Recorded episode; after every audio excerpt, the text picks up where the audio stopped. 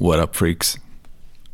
Dagens gäst är hjälten, slopestyle-åkaren och proffsatleten Elof Lind som har en fullständigt magnetisk personlighet och som verkligen kan konsten att lysa upp ett rum med sin närvaro.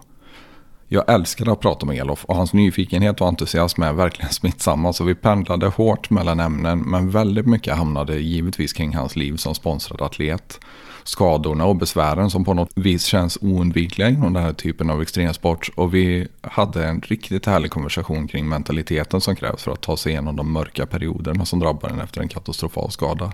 Elof och hans stridspartner och hjältekumpan Viktor ligger just nu i hårdträning inför ett egenkomponerat vinter-Ironman där de har som målsättning att genomföra 3,8 km simning följt av Vasaloppet på skidor, tur och retur alltså totalt 180 kilometer, följt av ett maraton på 42 kilometer på under ett dygn.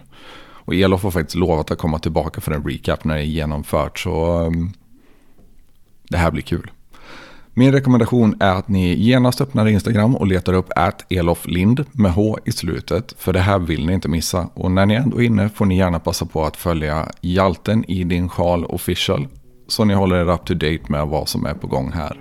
Och med det mina damer och herrar, Elof Lind.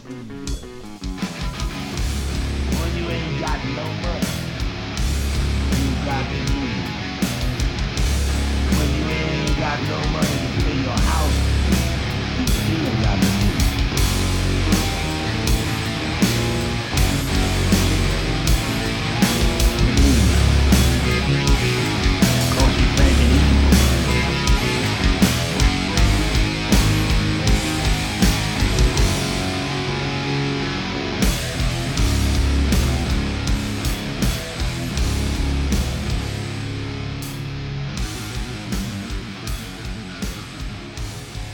Men jag tänker mig att vi tar och hälsar Elof Lind välkommen till Hjälten i din själ.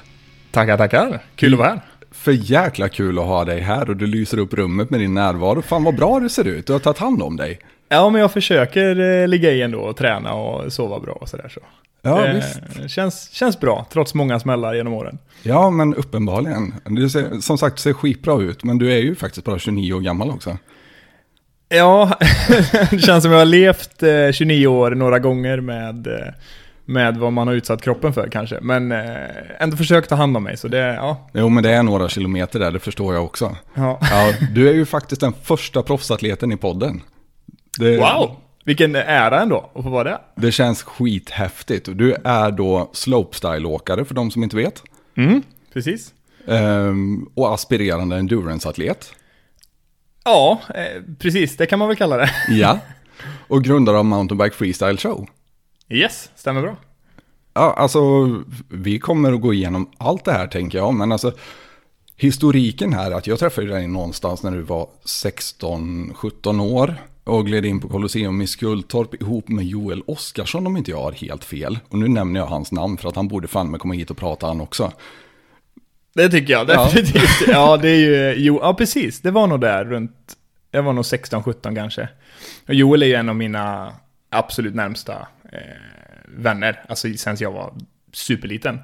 Helt vi, fantastisk kille. Ja, underbar, underbar själ. Och han, eh, ja men vi kom dit och jag kommer faktiskt ihåg, jag tror att det var första träningen.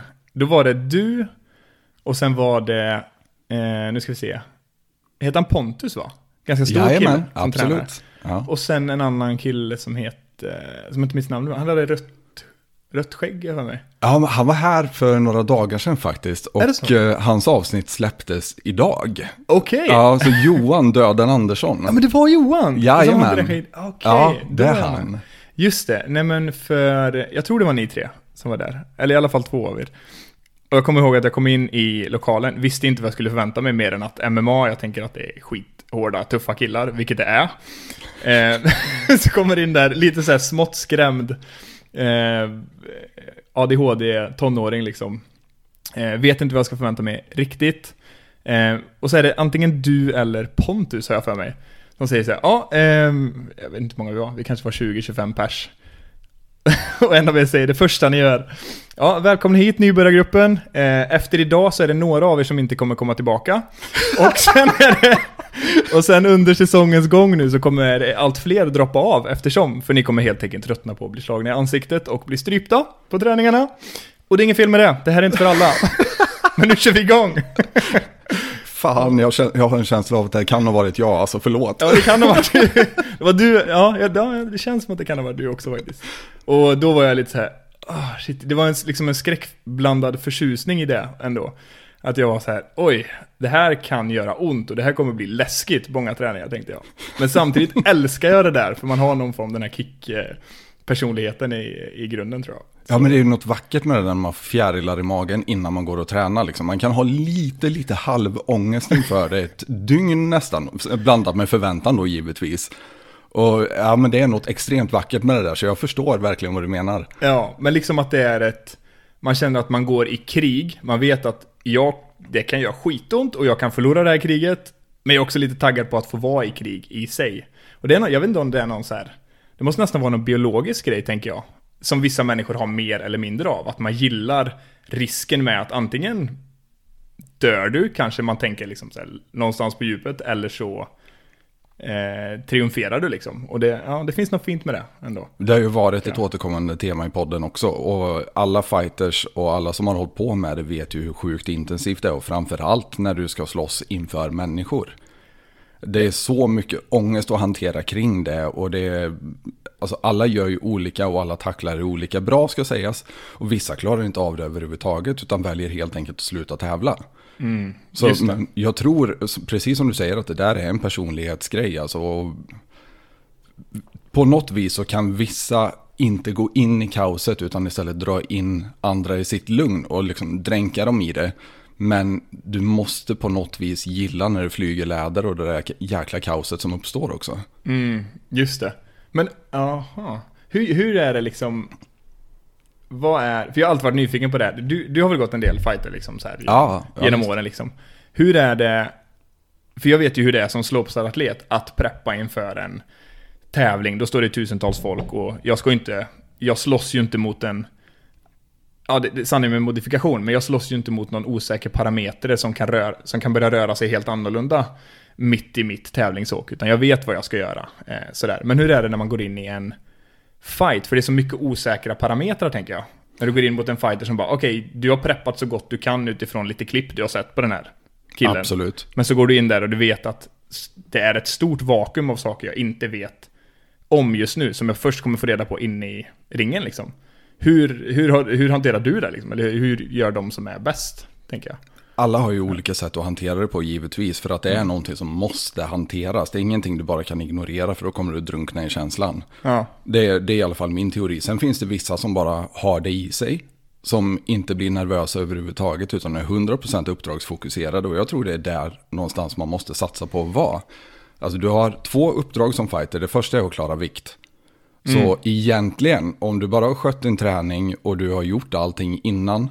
Så behöver du inte tänka på själva fighten förrän du har vägt in i alla fall.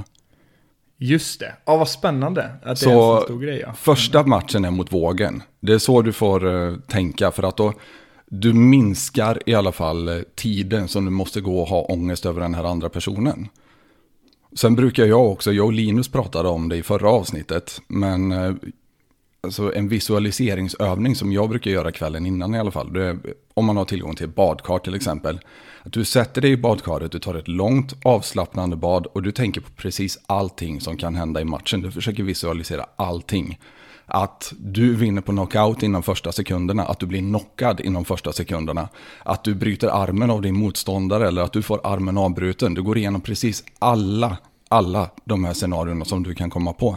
Och låt det ta så lång tid som det tar helt enkelt. Men sen när du släpper ut vattnet så låter du också alla tankar bara försvinna ner i avloppet med det. Just det. Smart! Ja, Den det, gillar jag, eh, alltså verkligen. det är en kraftig visualiseringsövning. Jobbar ni själva någonting med visualisering måste ni nästan göra tänker jag. Ja, ehm, det gör vi absolut. Ja, ehm, och det, jag tror det är samma i slopestyle som i, alltså i fighting. Liksom. Man försöker förbereda sig för, just om man tänker bara på tävling, då tänker man ju så här. Okej, eh, om det blåser, hur hanterar jag det i stunden? För det kan börja Alltså det kan ju bli vindpustar som går rak sidvind och det påverkar jättemycket hur du hoppar sen. Så då försöker man förbereda för, eh, så här, okej, okay, om det blåser, hur hanterar jag den tanken och hur gör jag det rent fysiskt i banan? Om det blåser sidvind säger vi. Och eh, hur hanterar jag att det står tusentals människor och gapar ut med banan och alla tittar bara på mig nu? Eh, hur hanterar jag när tanken kommer upp att Ja, men det är nog lite likadant, alltså som den badkarsgrejen som du gör. Man försöker bolla ner, alltså spesa alla scenarion som kan hända. Och sen när man väl står där så vill man inte behöva lägga onödig tankeenergi på att oj, nu måste jag lösa den här panikartade tanken i stunden, utan nu vill man, man vill ha den processad och klar nästan eller? Exakt, att säga jag vill kunna hoppa från den här tanken till lösning väldigt, väldigt snabbt och det ska inte distrahera mig så mycket från mitt mission liksom, som är x antal tricks. Hur är uppdragsfokuset när man står där och är på väg att droppa in? Um, det är, för mig personligen är det ju det enda jag kan ha i huvudet. Jag, så, jag snackade faktiskt med min eh, sambo Johanna på vägen eh, ner nu i bilen. Mm -hmm. Och ehm, eh, om det, det, var en kille som ganska rolig historia. Det var förra året, sista tävlingen på året nere i eh, Spanien. Eh, min cykel kom inte förrän två dagar sent, så jag hade missat all träningstid. Alltså två dagar av God träning. Damn. Och det är... Eh, och egentligen skulle inte jag få köra eh, tävlingen i finalen då. För jag hade även missat kvalet, som var dagen innan det här då. Eh, men då kommer min cykel typ en timme efter att kvalet är slut. Ehm, och jag pratar med arrangören och frågar, hej kan ni ringa FNB, som är världscupsorganisationen då? Eh, och fråga dem centralt om jag kan få göra ett åk, alltså bara ett kvalåk, typ någon timme innan eh, finalen imorgon då. Och bli bedömd på det utifrån samma premisser som de som körde kvalet idag blev då. Och se om jag kan förtjäna en plats senare då. Um, och det fick jag göra, så jag fick ett åk. Um, och lyckades kvala in på det åket med typ 10 träningsåk, vilket är piss och ingenting. Jag, gick bara, jag bara, fick bara sända liksom. Så. Men sen i den finalen, eh, då var det ju hur mycket folk som helst som stod och tittade ut med banan så här. Och eh, en av grejerna på den här tävlingen var att alla cyklister, man går upp själv till starttornet. Så du klättrar upp för en ganska typ 12 meter hög byggställning. Står där uppe, tittar ner på båda sidorna, det är liksom skithögt, det blåser, tusentals människor överallt bara. Men premissen är att vi står där själva vid starten. Och när man är själv är det ganska lätt och så här, ja, människorna är långt bort, jag kan distansera mig lite från kaoset liksom där nere.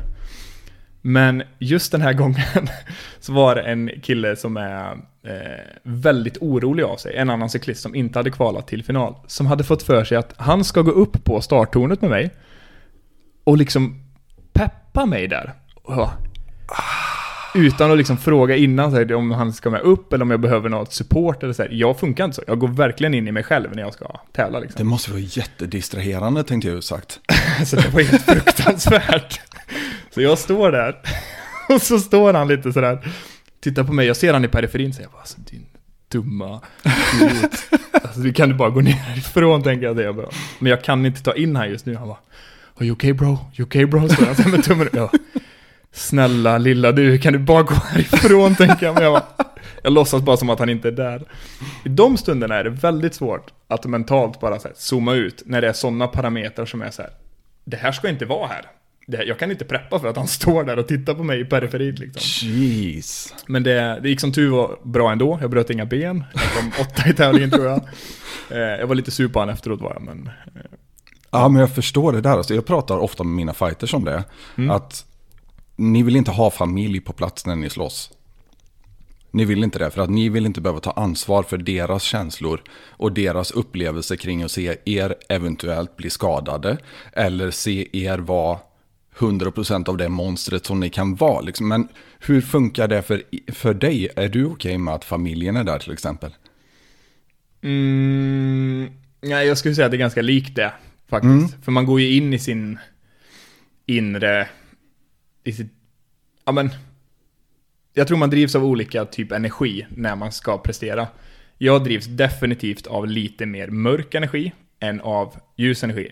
Även om jag på utsidan kan se ganska alltså, glad och uppåt ut. Ja, sådär. men absolut. Men min inre drivkraft är lite mer liksom att jag går in i en sida som inte är lika ska man säga. Den är inte lika anpassad till sociala konstellationer om man säger så. Men som jag den förstår till- exakt vad du menar faktiskt. Ja. Exakt. Ehm, och den sidan är jag inte lika bra på att hitta till när till exempel min sambo är med eller mina föräldrar har varit och tittat på tävlingar. För då känner man, man det, är verkligen, det är precis som du säger, man känner att de projicerar ju sin oro utöver en själv och då blir det att jag försöker ta ett socialt ansvar och lugna dem samtidigt som jag inte vill tappa den här Du har ju ett Elden. annat uppdrag att tänka på också. exakt, som är så mycket mer energikrävande än att försöka socialt upprätthålla någon form av så här trygghet runt om mig liksom. Det, man vill inte behöva det i stunden liksom. Ja men det där är ju skitintressant för det pratar ju ofta alltså, yrkesmilitärer eller team guys. eh, De som eh, gör lite mer än vanliga människor. Pratar ju ofta om det här liksom, att jag måste lägga 100% av mitt fokus på det här. På mitt jobb och på mitt team. Jag har tyvärr inte plats för familjen just nu. Jag har tyvärr inte plats för några andra relationer än det här, för det handlar om överlevnad. Nu är det ju inte riktigt lika extremt i våra sporter, alltså även ifall man håller på med MMA eller om man håller på med slopestyle, det, för det mesta överlever man. Det är i alla fall inte en faktor som man tar med i beräkningen, tänker jag, att man kan dö, eller gör man det? Mhm. Jag har haft den tanken, har jag haft. Inte, absolut inte så som typ en marinsoldat har kanske, liksom ute i fältet så. Men jag har ju haft eh, ett par tillfällen där jag har varit, alltså haft en acceptans till döden. Innan man ska göra någonting. Det låter så sjukt mörkt nu när man säger det, men Nej men det är jävligt intressant för att jag vet Enzo Nino pratade om det här också. Han gick ju en hemsk match mot Igor Vovchanchyn back in the Pride Days liksom. Och Igor ville ingen möta överhuvudtaget och framförallt så ville ingen strika med honom för att han slog folk in i likstelhet. Han, en riktigt, riktigt otäck människa helt enkelt. Vad fan, hans öron hade ju muskler efter all, alla steroider också. Det var ju helt sjukt. Men alltså, en som pratade om det här att han började brottas med honom i matchen. Och kände lite att någonstans att nej, men det här är min feghet som testar mig. Så han skjuter ifrån och fortsätter att svinga mot det här psykfallet istället. Och jag har för mig att det slutade med att den här matchen blev avbruten mellan ronderna för att Henson hade tagit så mycket bestraffning helt enkelt. Och domaren säger mer eller mindre till honom att om du fortsätter nu så finns risken att du dör shit. Och hans svar är bara liksom att jag har redan sagt hej då till alla ändå så att vi kör. Oj. Men jag förstår tanken där lite, alltså, och det kanske är därför du är så pass chill och ödmjuk som du ändå är, eller är det att du möter döden i rampen varje dag? Ja men... Ja kanske... Kanske att det hjälper till att ödmjuka en lite grann, absolut. För man blir ju... Jag, jag brukar säga det till mina föräldrar har alltid varit så här att du måste ju plugga, typ. Du måste läsa vidare. Och skaffa ett jobb. Ja, exakt. Skaffa ett riktigt jobb nu. Det har inte funkat så bra för mig, eh, tyvärr. Eh, eller, inte tyvärr kanske. Men eh, jag brukar säga att cyklingen, alltså allt det har fört med sig att satsa så hårt och så målorienterat på en sak som kräver så mycket som inte nödvändigtvis ens ger avkastning. Det har varit den största liksom, utbildningen och personliga utvecklingen för mig, i, alltså av allt, överlägset allt jag har lärt mig hela mitt liv. Det har kommit från cyklingen, det är den största liksom. Kan verkligen tänka mig det faktiskt. För jag menar, du har ju tagit en del stryk genom åren. Du får ju göra alla de här lärdomarna som alla professionella atleter gör. Nu vet inte jag hur pass mycket street cred slopestyle-atleter får för att de är just atleter. Men i min bok så är det ju jäkligt mycket street cred.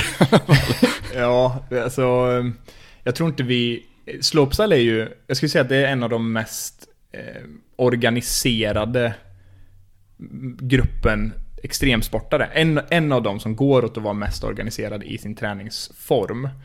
Eh, men tidigare så har nog slopestyle-cyklister setts lite som typ både skate och eh, BMX och lite parkour, lite subkultur.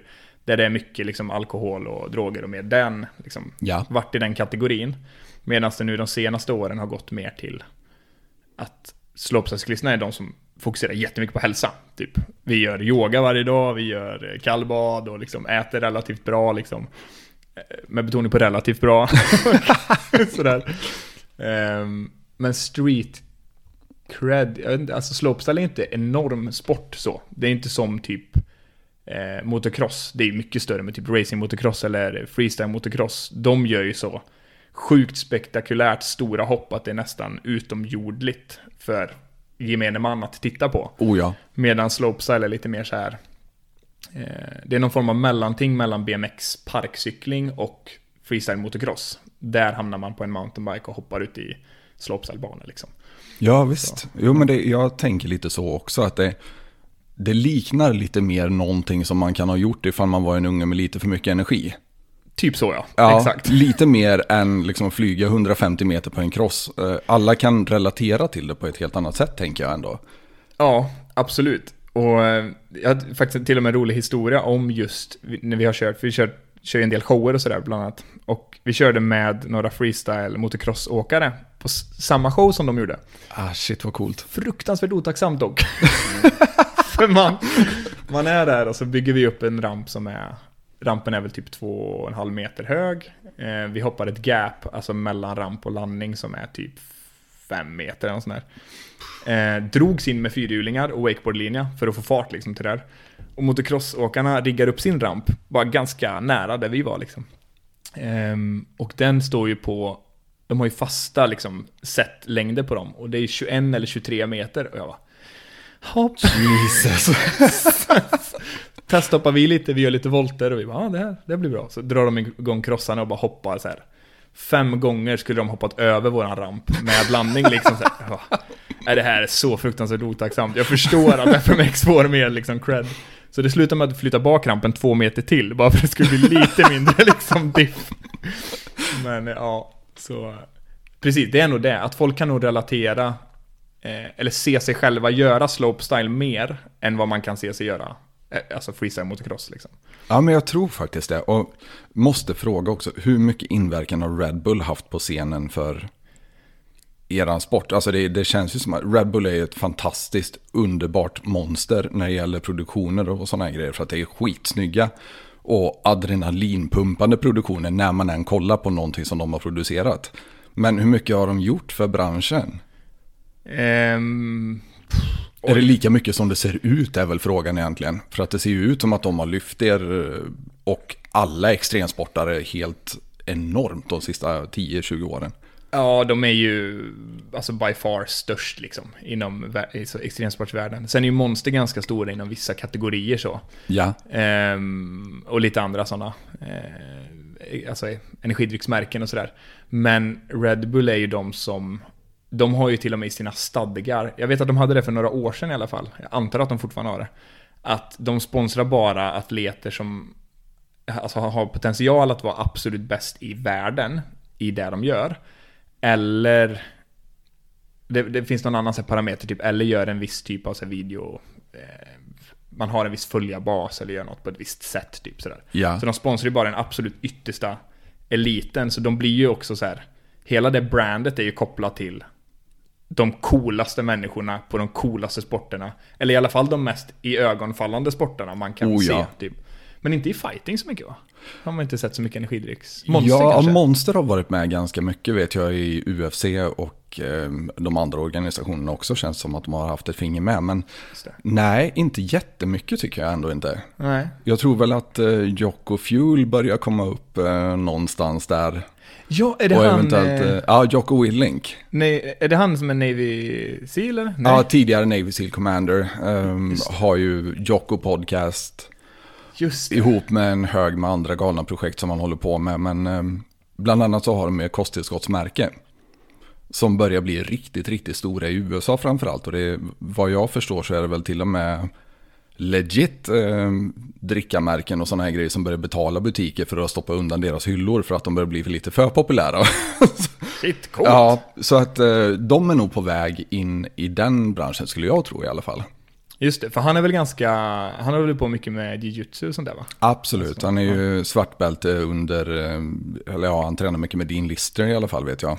Just det. Ja, Ja, jag har dålig koll på det, det namnet. ah, Dean Lister är ett jävla monster, det är allt man behöver veta egentligen. Okej, din lister. Jag Ja. lägger upp minnet. Ja, jävla monster. Nu är han väl pensionerad, men eh, Det var ett bra tag som han dominerade BJ-scenen och framförallt Nongi då med sina fotlås. Just det. Så riktigt jävla monster och kolla in honom ifall du vill ha lite underhållning och framförallt få en djupare förståelse för jujutsu-gamet. Ja, coolt. Ja, Ja. det måste jag göra. Jag har ju faktiskt försökt eh, träna lite kampsport nu senaste månaderna. Ja, vad kul. Vart har du hållit till då? Eh, I eh, kampsportsstadion. Uppe i, med, vet du vem Rickard Nordstrand är? Absolut, vi har haft honom som gästinstruktör på klubben ett par gånger. Ja, Ja. han, han eh, har hållit lite träningar. Lite så här thaiboxningsträningar. Eh, och sen även eh, Kampsportstadion, förlåt att jag avbryter, men vart ligger detta? Nu, bara så vi får det. på Stockholms stadion. Ja, just det. På Ja. då. Så det är han och sen har... Eh, vad heter han då? Omar. Eh, Ja, Jajamän, Buish.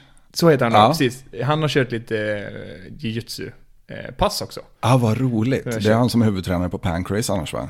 Ja, så är det. Ja. Han tränar eh, han Karl Albrektsson bland annat. Jajamän. Som kör i Och- Bellator och liksom det här. Ja, med flera kan Ja. vi säga då. Ja. Omar är ju en riktig legend inom branschen också. Får vi... Ja, Så shoutout till honom.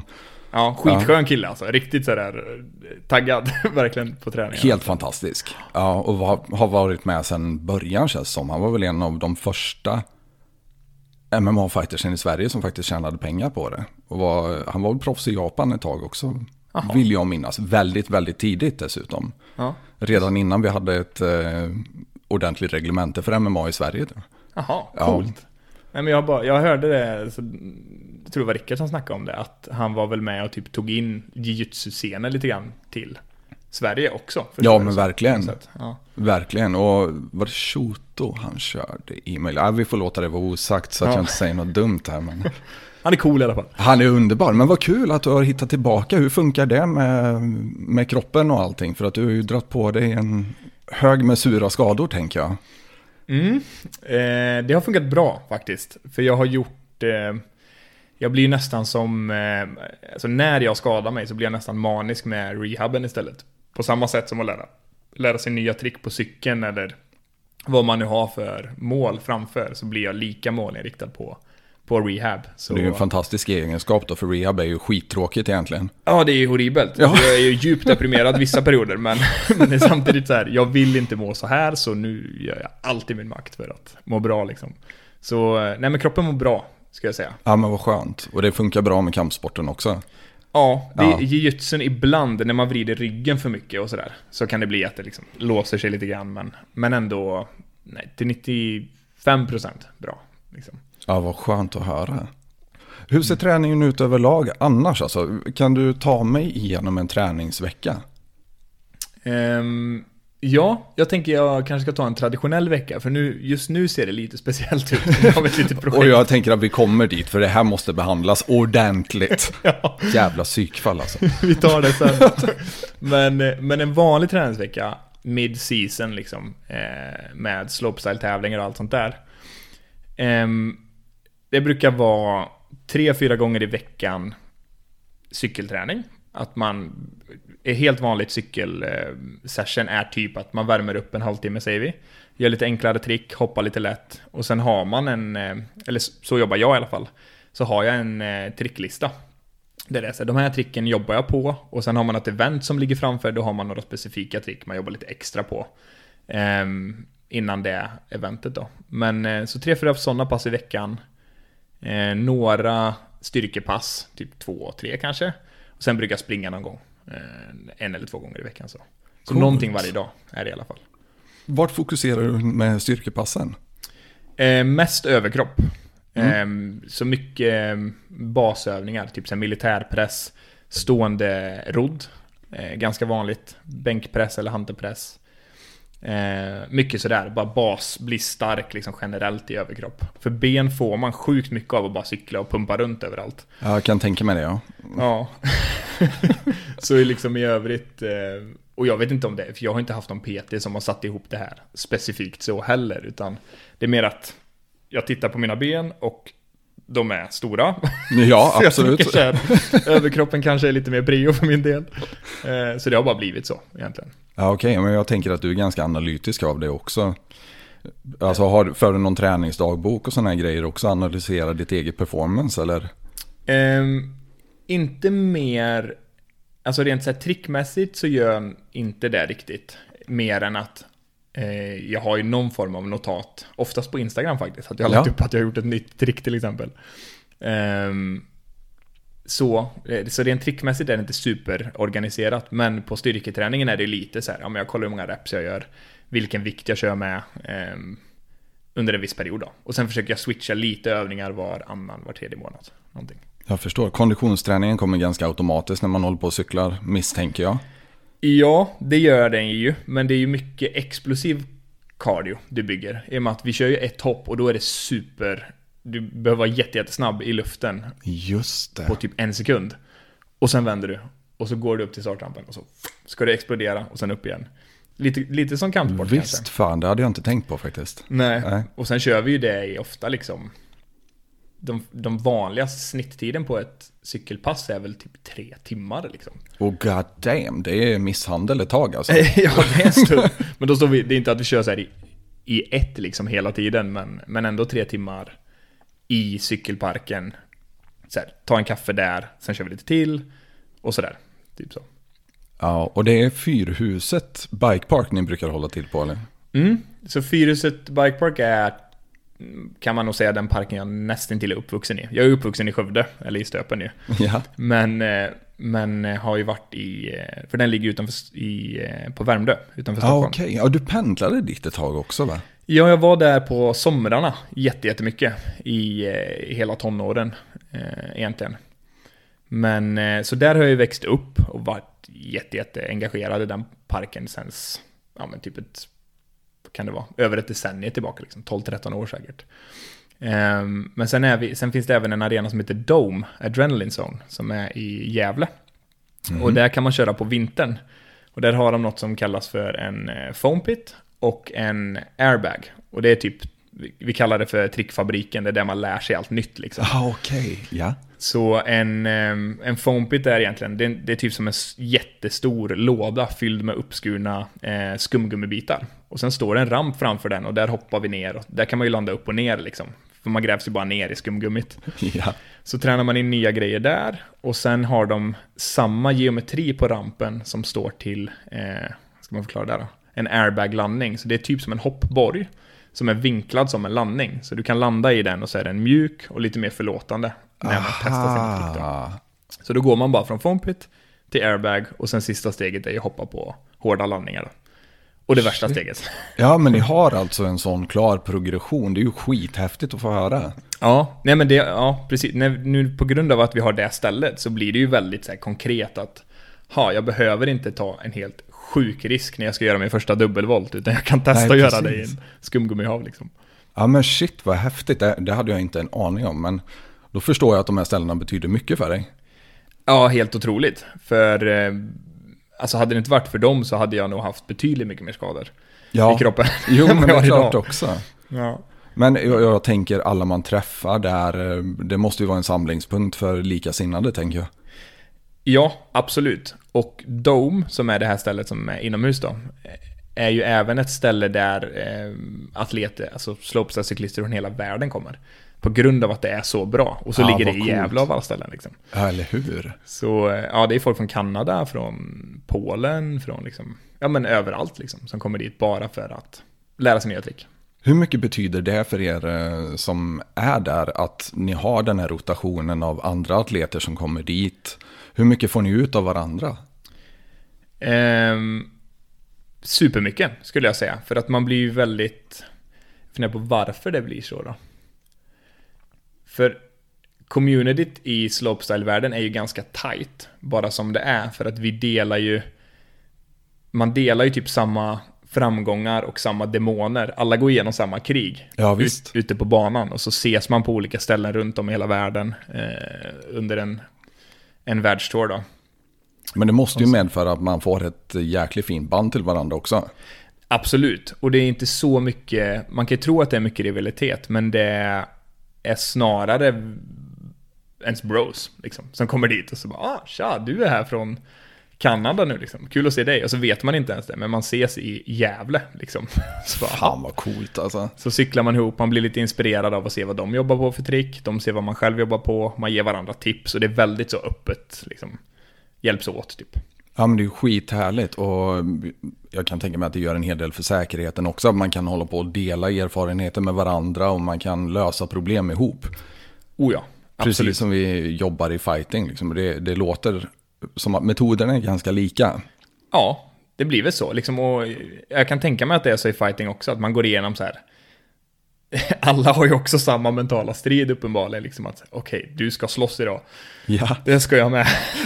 Vad känner du då? liksom, och då kan man någonstans hitta en förståelse och liksom en connection som är djupare än med andra som inte har varit med om det kanske tidigare. Ja men absolut och det, jag tycker mig känna igen precis samma grej det här att visst fan finns det en viss rivalitet när man ska slåss mot någon. Det är ju ändå någonting som man måste försöka hitta för att du ska ändå gå upp i en fysisk tävling mot en annan människa.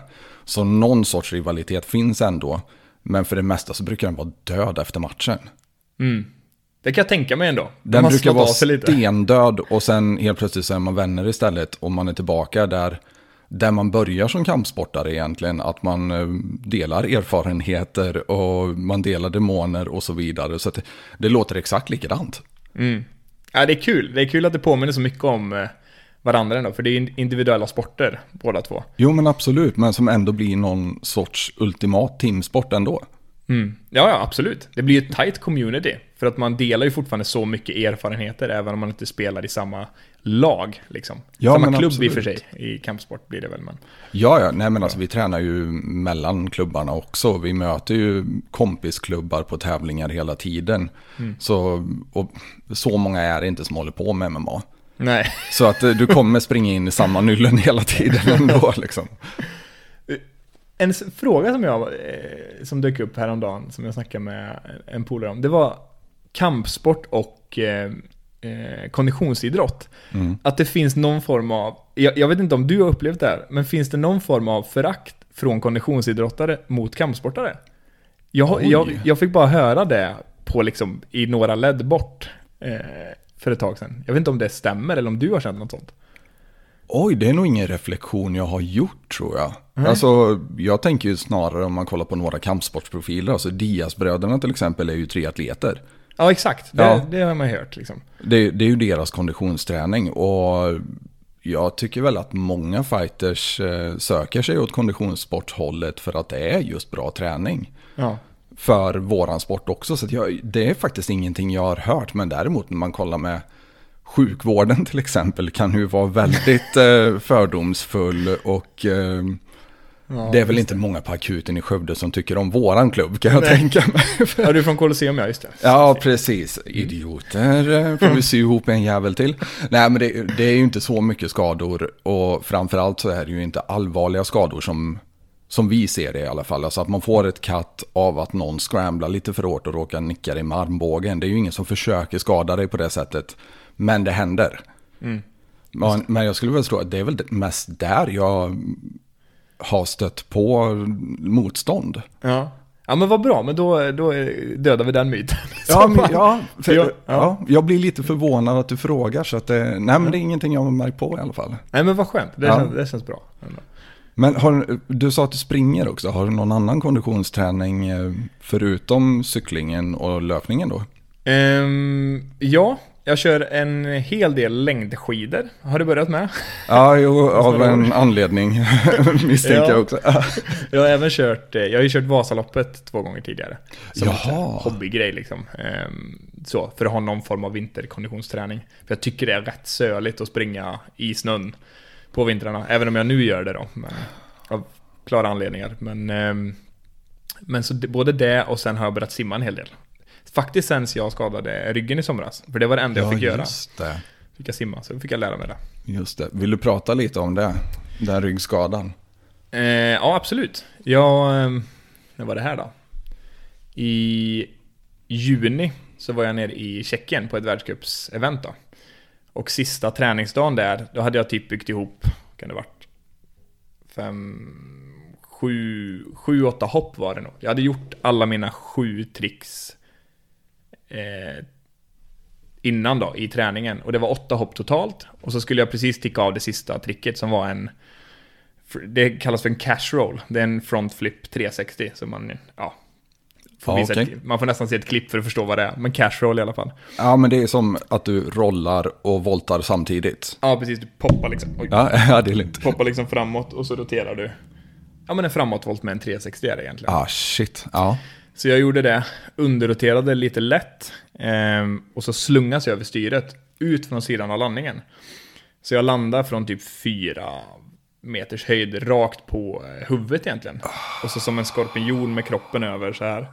Så två, både min eh, nionde ryggkota gick helt av och försköts 4 mm. Eh, och den tionde sprack genom halva då, så jag bröt två kotor i, i ryggraden.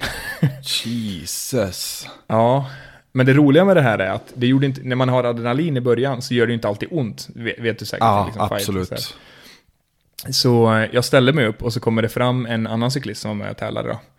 Han bara, "Ah, shit, eh, hur är det med dig liksom? Det där så sjukt gnarligt ut liksom. Är du, varför, står du upp liksom? Jag bara, ja, men jag tror det är lugnt liksom. Kan du bara kolla, kolla till min cykel så jag inte har några sprickor i ramen? Så ska jag bara gå till ambulanspersonalen. så de får ge mig tummen upp liksom. Så de leder bort mig till ambulansen. Jag får typ en, en ambulansgubbe liksom under varje arm. Så här. De leder bort mig och jag blir skitförvirrad för de ser jättenöjda ut. För de såg ju fallet liksom. De ser så här superoroliga ut i blicken. Vad, vad, vad är det här liksom? Varför ser ni så oroliga ut? Det är chill liksom. Det är inte ont nu. Liksom. Fortfarande adrenalinpumpad liksom. Eh, de bara, eh, Mr. Lind, ja. you need to come to hospital. Why? I, I feel fine. Can't you just like squeeze me? De bara, I need to come to hospital. Okej. Ja, ja. Eh, och de bara, du får inte ställa dig upp. Liksom. De la mig ner, satte på en nackkrage så här. Du får inte ställa dig upp eh, förrän vi har röntgat det här. Liksom. Kommer till sjukhuset. Eh, och tittar fortfarande på klockan, för kvalet skulle börja om typ tre timmar. Så jag bara, ja men det är nog lugnt, jag På hinner tal tillbaka. om att vara uppdragsfokuserad då, eller? Exakt. Så jag bara, men det är nog lugnt. Jag, jag hinner tillbaka till kvalet liksom. Eh, ligger där på sängen, eh, inom väntrum liksom. Så kommer det ut en, eh, så kommer läkaren ut efter en stund. Han bara, ja, eh, you Mr. Lind? Jag bara, japp. Okej, så um, in two places your spine is broken. Oh, fuck. Exakt vad jag tänkte jag. What the fuck? Skämtar du med mig eller? Han bara, "Um," han ser att jag ser lite förvirrad ut liksom. Jag kan inte ta in att han säger att min ryggrad är bruten på två ställen. Så han bara, okej kom, kom, kom. Så leder han in mig på kontoret och bara pekar, här är dina kotor liksom. Jag Okej, jag ser att den är bruten nu. Ja, man ja. se det tydligt. Så, ehm, ja. Så det var, en, det var lite av en chock faktiskt, när det hände. Så det har varit en rehabprocess och ehm, sådär. Så säsongen tog slut i juni det här året kan man säga.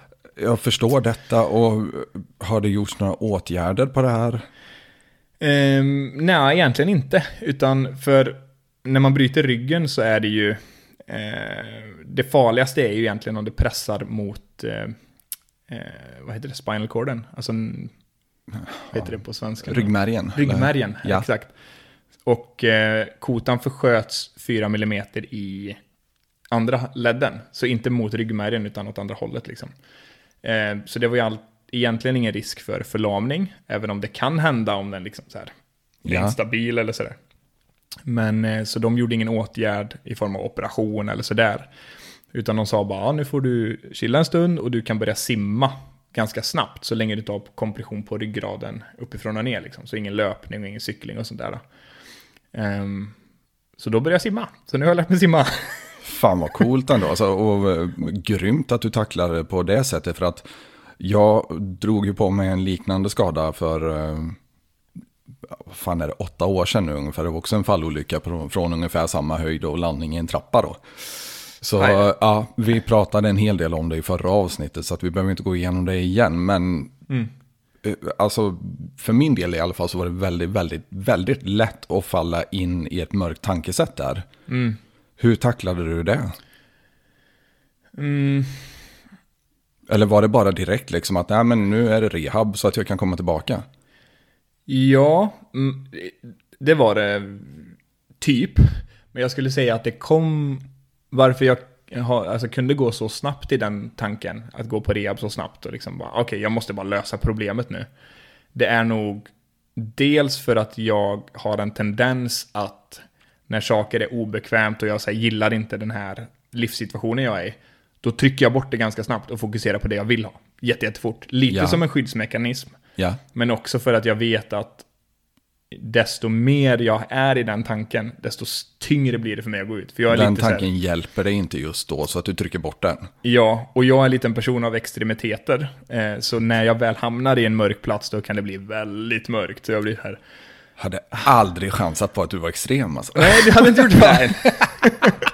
Nej, men... Eh, så eh, jag tror det är av år av att ha gjort väldigt många fel och brutit över 30 ben i kroppen. Så då har det blivit liksom en, en process nästan som man bara så, går till. Liksom. Över 30 ben alltså, men var det, vad var första allvarliga skadan?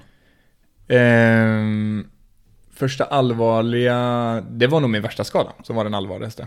Eh, första då. den värsta skadan var den allvarligaste. ja, ja, visst. Ja. Eh, men eh, då var jag, som tur var jag väldigt ung då.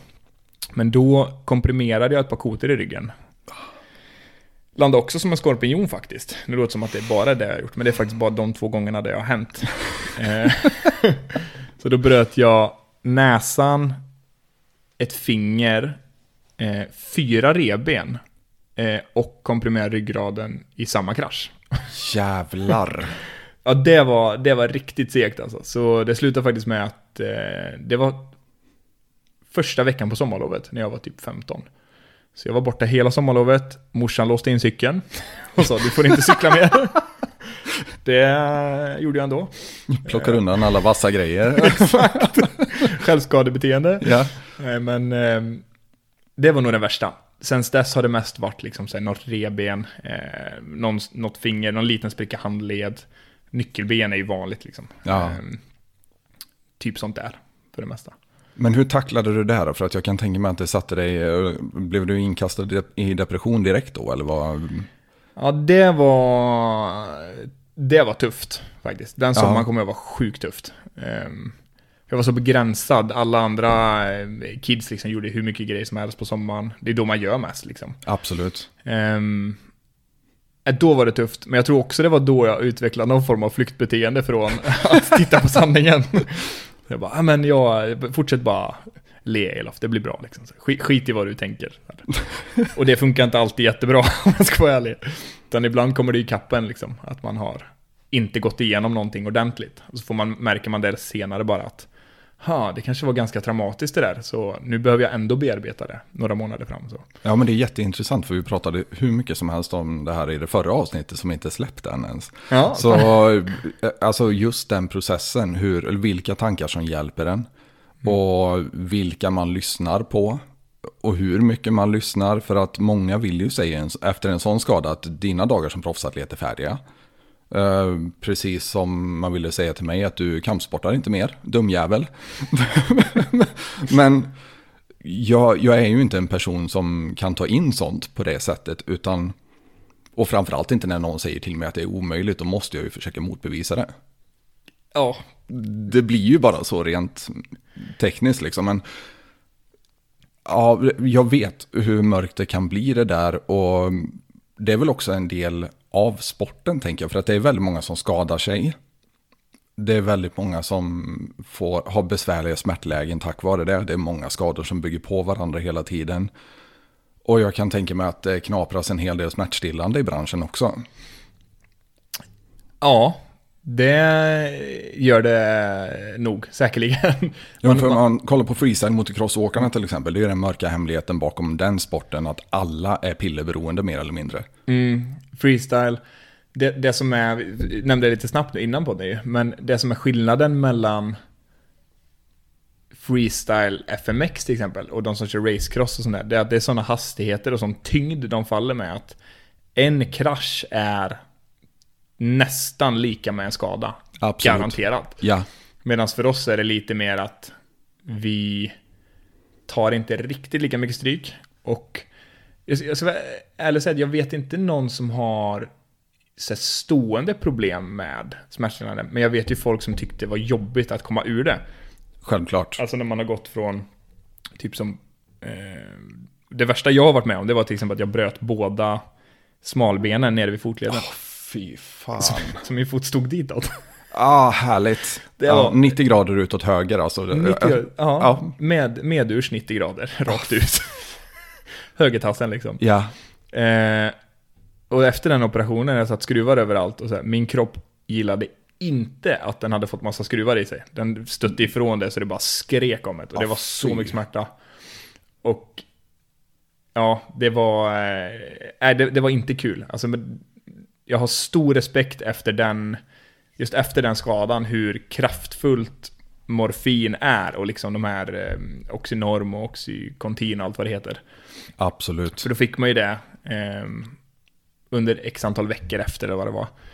Ehm, och jag kommer bara ihåg det här, för det var ganska långt efter jag skadade mig. eh, Så skulle jag hålla tal på min lillebrorsas bröllop.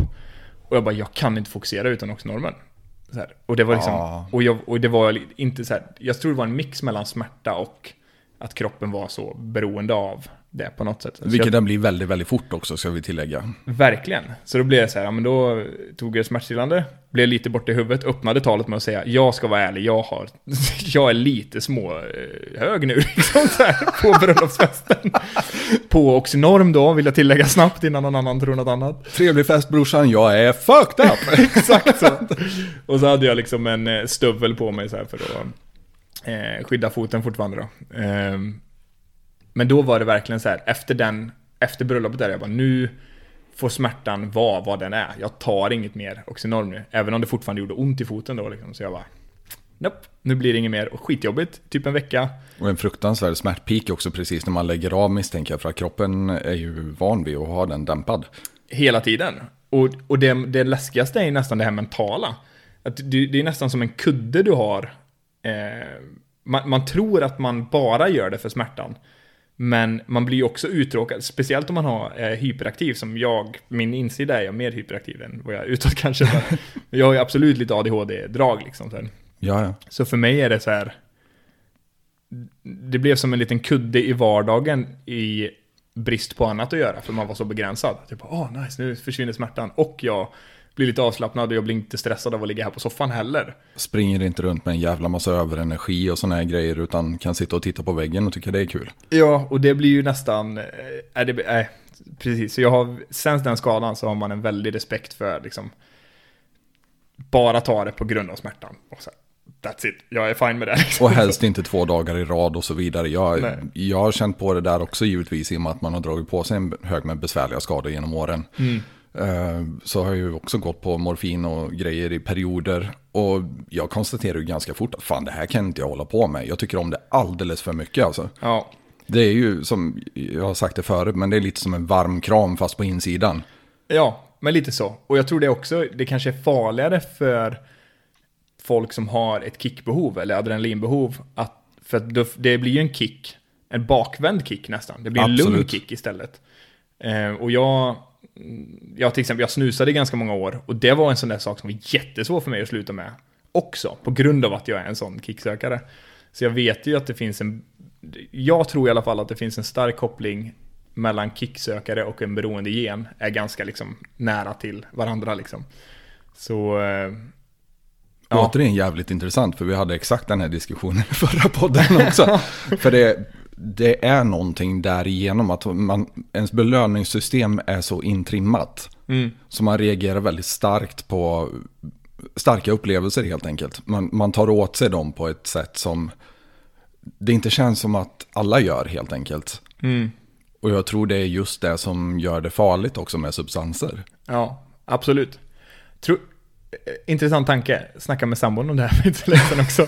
Men eh, det här med, eh, jag kan ibland tro att är man aggressiv i sin natur, för jag tror vi är mer eller mindre aggressiva bara i vår natur, så har man större, jag tror också att det kan finnas en koppling däremellan. Att är du mer aggressiv och har behov av att uttrycka dig i någon form, om det är att så här, springa svinlånga konditionslopp eller om det är att gå fem match, MMA-matcher per år eller om det är att tävla i slopp, vad det nu än är. Då tror jag också det anlaget tenderar att finnas där. Eh, faktiskt. Jag är helt med dig på vad du menar där också. Och det verkar vara en personlighetstyp. Ja, Det verkar vara det. Man kan nästan se på människor efter man har träffat dem i fem minuter om de är en beroende personlighet eller vad man ska säga. Mm. Och sådana människor, nu generaliserar jag väldigt, väldigt mycket, men eh, det gäller mig själv också. Jag måste ha ett beroende som är nyttigt för mig. Mm. Jag måste ha det, för annars kommer jag att byta det mot ett beroende som inte är nyttigt för mig. Har du, har du svårt att vara disciplinerad utan att ha eh, någonting att hänga upp din disciplin på? Absolut. Typ ett mål eller en, så här, en, en rutin eller någonting du vill ha i vardagen liksom. Absolut, och mina drivkrafter är inte snälla överhuvudtaget på det sättet. För att när jag inte har ett mål så har jag en tendens att lata mig, jag har en tendens att bli bekväm. Och jag hatar den delen hos mig själv. Så då börjar jag istället psykiskt misshandla mig själv. Tills jag börjar göra saker igen. Ja, just det. Det är helt enkelt så det funkar. Så ja, på tal om mörka drivkrafter, vad är det som driver dig? Uff, det är nog olika... Jag ska smälta den en sekund. Jag tror mål är 100% jätteviktigt för mig. Jag tror utan mål och utan ett mål som skrämmer mig framför allt så skulle jag vara en tjock, odisciplinerad människa som ligger på soffan. Visst är det någonting med det där med saker som skrämmer en? Eh, 100%. Man Jag- måste gå mot det, eller jag måste gå mot det i alla fall. Ja, absolut. Och samma med när du eh, sa det här att om någon säger att någonting är omöjligt, det blir bara ännu mer spännande. När någon Absolut. säger det. Och typ när doktorer säger att du kan inte återhämta dig från den här skadan förrän om ett år. Ha, Kolla in det här. vi ses om tre veckor. Nej men liksom, jag, jag tror man... Eh, och vart det kommer ifrån, jag vet inte. Det kanske finns något så här djupt barndomstrauma som behöver upprättas senare i livet eller något. Men eh, jag... Jag tror att det kommer någonstans ifrån en ganska eldig inre djup plats som man har i sig. Jag tror bara det. Helt ärligt så, utan att reflektera så mycket om det så tror jag att det är för att jag är ganska aggressiv i min grundnatur, så jag behöver något att göra utlopp på. Även om jag inte är aggressiv mot min omgivning så har jag en aggressiv insida. Ja, Och en aggressiv inre röst som är eh, hur jag pratar med mig själv. ja. Och den behöver släckas den elden på olika sätt. Och hur jag gör det är ofta genom att ha målsättningar som är lite läskiga. Faktiskt. Jag gör det genom att eh, fysiskt tortera mig själv kan jag säga. Jag brukar säga att det är ett, eh, det är ett avancerat självskadebeteende som har tagit sig i formen av liksom, träningsberoende. Ja. Och då tränar du hårdare liksom när du... Jag gör det här varje dag för att jag har eh, en inre recensent i mitt huvud som sitter och recenserar precis allting jag gör och ger mig själv betyg på allting jag gör. Och för det mesta så är de betygen kass för att de är inte i par med världseliten. Just det. Ja. Och det, det driver mig hårt. Det gör så att jag får saker gjorda. Men eh, det är ju inte ett trevligt ställe att vara på när man inte kan träna till exempel. Nej, det blir väldigt, det blir framförallt påtagligt om man är skadad eller liksom så här har Absolut. något annat som tar väldigt mycket energi och fokus i livet liksom. Ja, jo men verkligen. Då, då blir ju livet väldigt svårt helt plötsligt. För att jag använder ju ändå träningen och om det nu är ett självskadebeteende så kan vi ju säga det. Liksom att jag använder träningen och självskadebeteendet för att dämpa den här inre rösten hela tiden. Och på något vis känna mig okej med mig själv eller vad fan det nu är liksom. Det är någonting som får mig att fortsätta göra det i alla fall. Och det är inte en ljus drivkraft, det kan jag ju säga direkt. Nej. Men, och, det, och jag, tycker det är, jag tycker det är viktigt att poängtera också att bara för att man själv har en mörk drivkraft i sig själv så kan man ju vara utan att, alltså, jag känner personligen att det behöver, det tar verkligen inte bort att man kan vara ljus mot sin omgivning, utan det är verkligen bara Nej. så här. För du är ju asschysst mot din omgivning liksom, jag kommer ihåg från MMA också, även om man var lite skrämd ibland när man skulle göra vissa övningar. Tack så mycket. Och, och jag, tror, jag vill ändå tro att jag är också liksom högt empatisk. Men det som driver, det som får liksom loket att gå, det är lite mer eld än vatten. Jag förstår. Så. Och det är lite mer alltså, eld på kolet än liksom vatten på vatten som flowar fint och naturligt. Och. Jajamän, det är bensin. mm, Exakt. Det, Ja. slår, det antänds fort och det blir mycket eld. Liksom så. Kan man hitta någon utbrändhet i det här när man har eldat på för mycket? Jag kan märka om jag, om jag har tränat väldigt mycket cykling ett tag och gjort alldeles för många sessions där jag har varit skrämd, alltså väldigt rädd och gått emot rädslan och liksom kommit över rädslan. Det hände faktiskt förra året efter den här eh, grejen i eh, Spanien. Det har varit jättemycket resebekymmer, jag hade haft lite småskador jag hade haft på mig under året och ändå bara kämpat igenom det. Och jag kände inte för att cykla på typ två månader efter det. Och det var, då tror jag att den här adrenalintoppen hade nästan, eller jag vet inte om det är adrenalin eller om det bara är överbelastning av push nästan.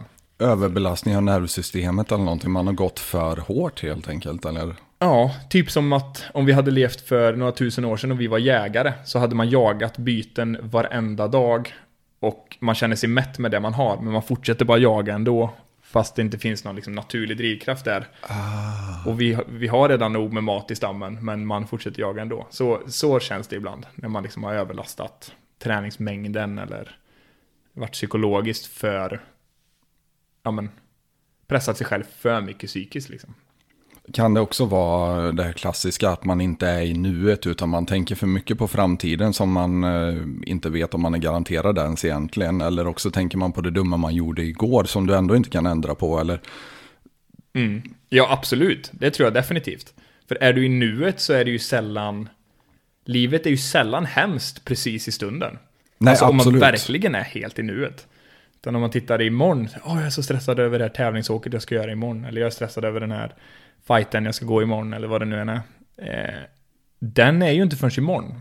Och när Nej. man är i fighten, eller när man är i, i sitt åk, du har inget annat i huvudet än det du ska göra exakt den här sekunden. Och då är man i nuet igen. Och då, blir- då blir inte det nuet så dramatiskt. Visst fan är det en fantastisk känsla också. Det är helt underbart när du kan vara i liksom stunden bara. Jag har försökt att förklara det här för folk, men liksom... När någon försöker strypa dig, Mm. då tänker inte du på räkningarna. Nej. Du tänker inte på tvätten som ligger och hopar sig hemma. Du tänker fan inte på några andra problem än den där armen runt din hals. Så för min del så blir det nästan som att jag får en paus från mitt liv. Mm. I att utsätta mig själv för något extremt. Är ligger det någonting i det för dig också eller? Ja, det blir som en meditation. Ja, exakt. Och jag tror inte... Och liksom för att prata lite i, i positiv bemärkelse om det. Jag tror att folk som inte eh, har så aggressiv natur kanske, eller som förstår sig på det här med att eh, vara en kicksökande person, eh, kanske tänker att det här är helt sjukt. Att vi sitter och pratar om så här, ja men, är de, eh, ja de har massa mentala problem, de, de behöver göra massa andra grejer för att göra uttryck för vilka de är. Men men eh, jag tror inte, jag tror det är en helt, jag tycker snarare det är tvärtom, att det är en helt fantastisk grej att man kan hålla på med organiserad idrott eller ha intressen som, eh, vad det nu än är, där man får utlopp för sina kickar och sin inre natur som gör att man i all annan tid är helt eh, i harmoni liksom. För att man får den här meditationen när man är i fighten eller blir strypt eller eh, är mitt i en bakåtvolt och snurrar styret massa varv eller Jo, men Linus sa också något vackert om det där att träningen hjälper honom att vara den personen som han vill vara. Ja. Och vi- jag menar, vi är ju gjorda för att liksom uttrycka oss. Vår människokroppen är ju så här, vi är ju olika av en anledning. För att någonstans i historien har vi ju funkat som ett samhälle på grund av att vi är olika och är bra på att göra olika saker. Vissa Verkligen. jagar mat, vissa samlar mat, vissa plockar bär och bygger hus och liksom vad det nu än är. Uppfinner skottkärror. Exakt. Ja, Alltså, ja. Sådär. Och jag tror att folk som dig och mig, vi kanske är snarare jägare då, om man tittar tillbaka. Eh, eller hur man nu vill se det. Jag tror det är väldigt så här, biologiska drivkrafter som gör att vi är olika. Och det är inget fel med att vara kicksökare eller inte kicksökare. Absolut inte. Alla vägar är, som funkar för en är rätt liksom. Ja, men det här är ju en ganska ny uppfinning där som vi håller på med nu. Att man ska sitta still 10 timmar per dag. Man ska liksom passa in i ett civiliserat samhälle. Det är inte normen i historien. Nej, och det är ju, eh, och det har gått så fort. Det har gått fruktansvärt jävla fort. Men jag tror fortfarande det ligger någonting i det här att barn idag som växer upp i, i storstäder till och med drömmer fortfarande mardrömmar om eh, stortandade monster. Mm. Så alltså någonting ligger ju i oss från all den här konflikten som vi har haft i vår historia. För att det här lugna som vi har nu, det är verkligen inte normen. Nej. Det är undantaget i en lång konfliktfylld historia som har krävt att vi har varit de här extrema personerna som vissa av oss är än idag. Det är bara att vi inte har kunnat anpassa oss lika fort helt enkelt. Exakt. Våran kärna är inte riktigt där än, kalibrerad liksom. Nej, och jag, jag har sagt det här in absurdum många gånger i diskussioner med alla möjliga människor. Vi har exakt samma jävla hårdvara som stenåldersmänniskorna hade. 100%. Men vi behandlar den inte på något vis likadant som de gjorde. Ja, vad kul det hade varit om stenåldersmänniskorna kom in i våran vardag och, placer- och ställde sig inne på ett kontor och ser, vi sitter och tittar in i en skärm så här, och bara knappar och liksom bara sitter still där jättelänge. Undrar vad de skulle tänka? Det är ju en helt otrolig tanke. Det skulle vara helt verkligen? fantastiskt. Ja, men verkligen. Och någonstans så är väl det lite en liknelse för hur våra kroppar måste känna sig också. Absolut. Av allt stillasittande och sådär. Ja, visst. Alltså, vi har sprungit runt i den här jävla evolutionen som vi har haft. Där de elakaste jävlarna då har ska, skaffat barn med de elakaste jävlarna. I miljoner år eller? Mm. Och helt plötsligt så ska vi sitta still och titta in i en skärm. Ja, just det. Ja, det är jätteintressant. Alltså vad som egentligen händer. För det, jag menar, skärmar har ju knappt, det har ju inte funnits mer än, ja men när kom första skärmen liksom, mobil. Ja, det, är, det är inte länge sedan alls. Alltså det var ju under våran livstid. Ja. Känns det som. När vi fick eh, alltså, smartphones. Ja. När teknologin verkligen flyttade in i oss. Ja, det är ju verkligen nyss liksom. Det är jättenyss och vi är långt ifrån klara med att anpassa oss till det tror jag. Ja, det tror jag. Det kommer vara en lång, eh, lång resa att eh, förstå sig. Och jag tror dessutom att arbetsdagar, nu kommer eh, det är en kontroversiell grej, men arbetsdagar på åtta timmar tror jag är jättedumt. Alltså. Jag tror sex timmars arbetsdagar med är vad vi max ska ha i ett kontorsklimat. Jag kan knappt hålla fokus i tio minuter. Vad Nej, fan alltså. Nej, men, Men jag menar, man måste gå åt något håll liksom. ja, ja, absolut. Och jag, jag är benägen att hålla med. Jag tror faktiskt att det skulle vara mer effektivt också. Ja. För jag tror man kan prestera på en högre nivå under sex timmar än vad du kan göra under åtta timmar. Och någonstans så tror jag ändå att de här två tar ut sig. Ja, är det en effektivitet över tid ja? Ja, precis. För att vet du att du ska jobba i tio timmar så kommer du medvetet att ha ett lägre tempo för att hålla hela vägen. Ja. Det är som så här, sätter du, sätter du tre to-dos på en dag som är åtta timmar, då kommer du klara tre to-dos på den dagen. Sätter du tre samma to-dos på sex timmar så kommer du klara tre to-dos på sex timmar. Absolut. Hjärnan är så orienterad på att bara, ja men då måste jag anpassa hur jag gör sakerna efter den här tiden. Sen kanske åtta timmar till tio minuter är svårt, men åtta till sex timmar det tror jag är fullt möjligt för de flesta liksom. Ja, men jag tror det skulle vara möjligt också. Jag tror ärligt talat inte ens det skulle finnas någon anledning att betala folk mindre för det. För jag tror de skulle få samma mängd jobb gjort ändå. Ja, värdet skulle nog inte minska, nej.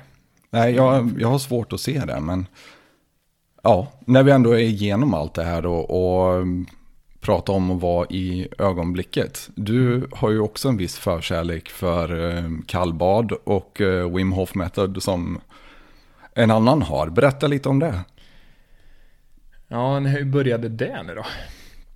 Det var ju inte igår, eller vad säga. Det var... eh, Jag kan säga för min egen del så var det bara jag som en idiot thrill seeker och hoppade i en isvak. Ja. Det, det var precis så det var. Och så var det svingött efteråt liksom. jo, men lite så. Man känner sig ändå som en supermänniska när man är klar. Ja. Och man känner sig också som en supermänniska under tiden när man väl lyckas hålla andningen. Och det är också en skön meditation återigen. Jag tror inte, alltså så här stillasittande med- meditation, det, det är ingenting för mig. Jag kan inte göra det i två minuter ens. Men däremot sinneslugnet jag hittar när någon försöker strypa mig, eller när jag försöker strypa någon, eller när jag är i en isvak eller i en kalldusch. Det är meditation för mig. ja, men det är nog lite liknande för mig. Jag kan göra fem, fem minuters guided meditations kan jag göra också. Jag Du- sträcker mig så långt. Du får faktiskt guida mig rätt där. Alltså du får Ja. skicka en länk eller någonting. Ja, jag jag måste någon. prova det här. Jag ska skicka någon bra där sen. Ehm, nej men Wim Hof, alltså kallbad. Jag skulle säga att jag kom in på det kanske 2016 eller någonting. Efter en... Eh, Jo, så var det ja. Jag krossade hälkulan 2015. Ehm, då, Fucking hell, det gör ont i mig att höra alltså. ja det är ont att tänka på också. Men eh, då kallduschade jag den väldigt, väldigt mycket för att få bort inflammation i fotleden. Eh, och hade så här kall, eh, typ så en hink fylld med is och kallbadade den och fick höra att det var jättebra mot inflammation. Sen var det en kompis med mig som började med eh, Wim Hof, han gjorde massa övningar och sådär. Ehm, och så hakade jag bara på det, för jag visste ju att det funkade bra för foten för att få ner inflammation och sådär. Så eh, jag började ta kallbad varje fredag ett tag, året om. Gjorde till en grej lite sådär. Ehm, och sen efter det året så körde jag, och gör faktiskt fortfarande än idag, kallduschar varje morgon. I mellan en och två minuter. Fan vad bra. Sjukt skönt, för man vaknar ju till liksom. Och så, så här, du mår bra efteråt, du får jättemycket glädjehormon och sen, man har gjort en ganska jobbig grej redan till att börja dagen med. Exakt, och det ligger verkligen någonting i det där. Alltså att man gör någonting tufft direkt när du vaknar. För vad fan ska vara tuffare än det sen? Ja, det är väldigt få saker som kan bli jobbigare än att dra på isvatten och hopp, Ja. nu är vi här igen. Jajamän, och oavsett hur lång tid det är, alltså 10 sekunder är länge. Ja, ja, absolut. Att bara känna kallvattnet är länge. Det är jättelänge och finns väl inget lika bra sätt egentligen att bara helt akut sparka in det i ögonblicket. Nej, för du kan inte tänka på något annat. Då tappar man ju andningen och får panik istället. Liksom. Ja, Så ja, nej men och, jag tycker det funkar bra. Liksom. Nu vet jag knappt hur det är att vara utan kallduschar. Nu känns det bara som, nu, nu gör jag det på morgonen liksom. Och det är skönt.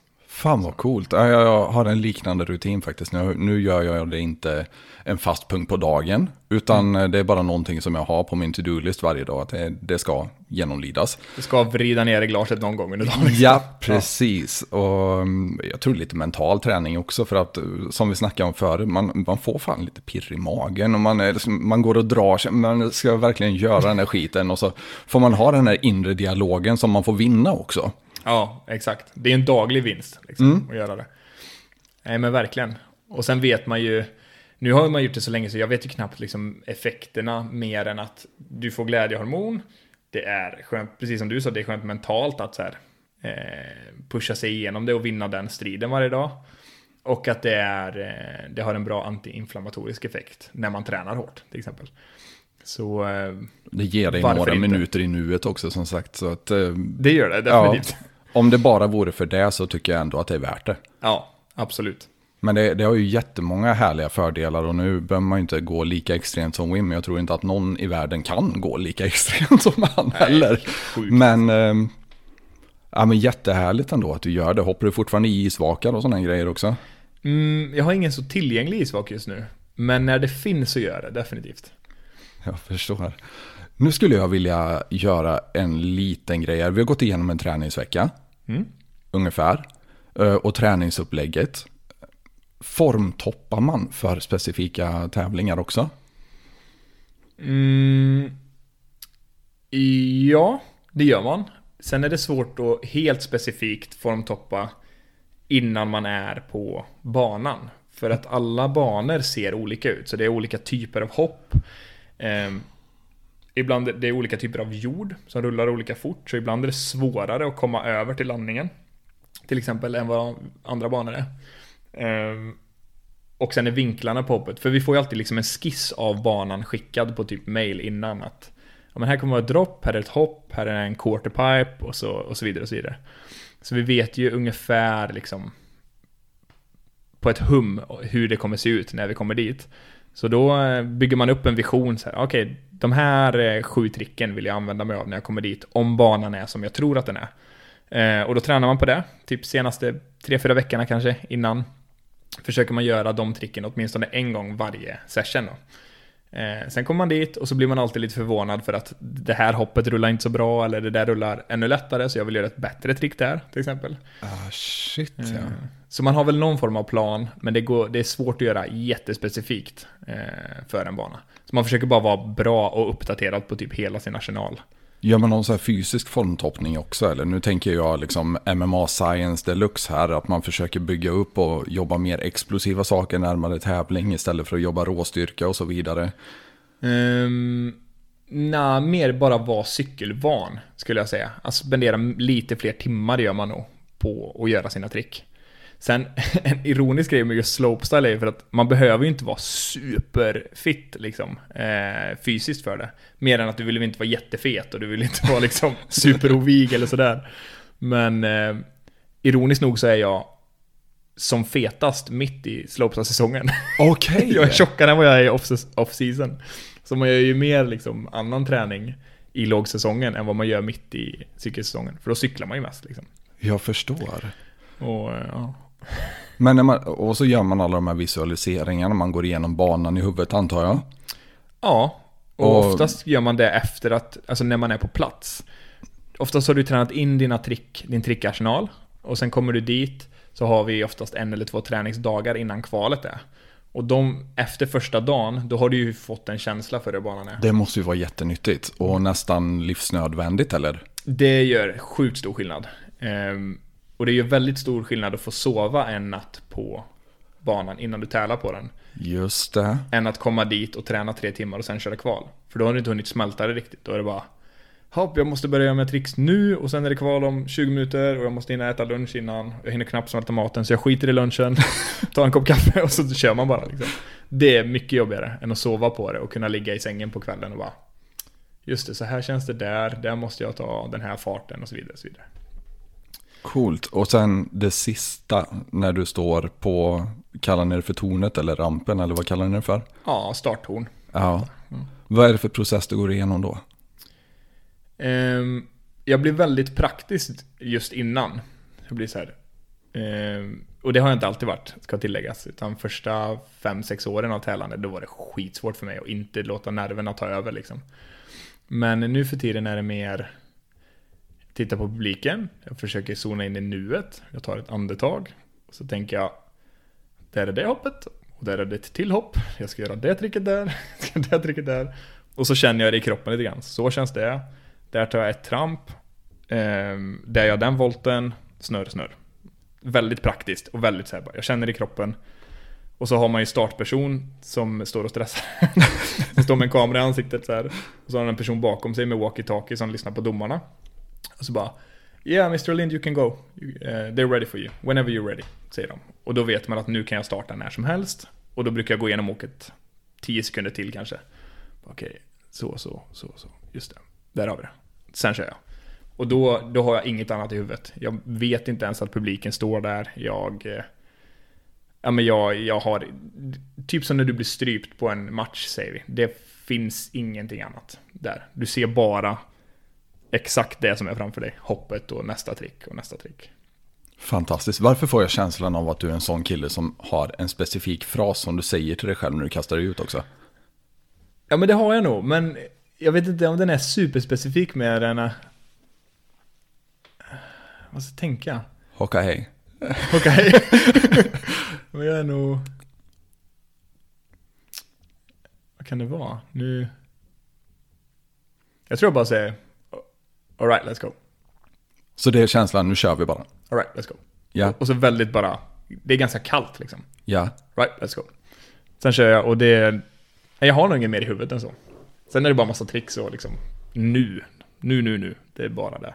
Fan vad härligt. Hinner du njuta av någonting av loppet? För att det måste ju vara en jävligt härlig känsla när du är, precis när du är tyngdlös. Jag vet, jag har ju hoppat lite med dirtbikes och sånt när jag var yngre också. Mm. Och jag älskar ju den här känslan precis innan du vänder neråt igen. När du liksom är mm. tyngdlös i luften. Hinner du njuta, njuta någonting av det? Eller är det bara nästa trick, nästa trick, nästa trick? Just i tävlingen är det bara nästa trick. Ja. Men sen när jag tränar så njuter man ju.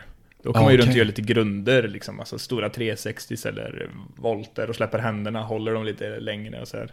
Men när man gör tävlingsåk så gör man så komplexa tricks att ja, jag ska bara sprattla och göra så mycket som möjligt i, i samma airtime liksom. Ja. Så då blir det mer en...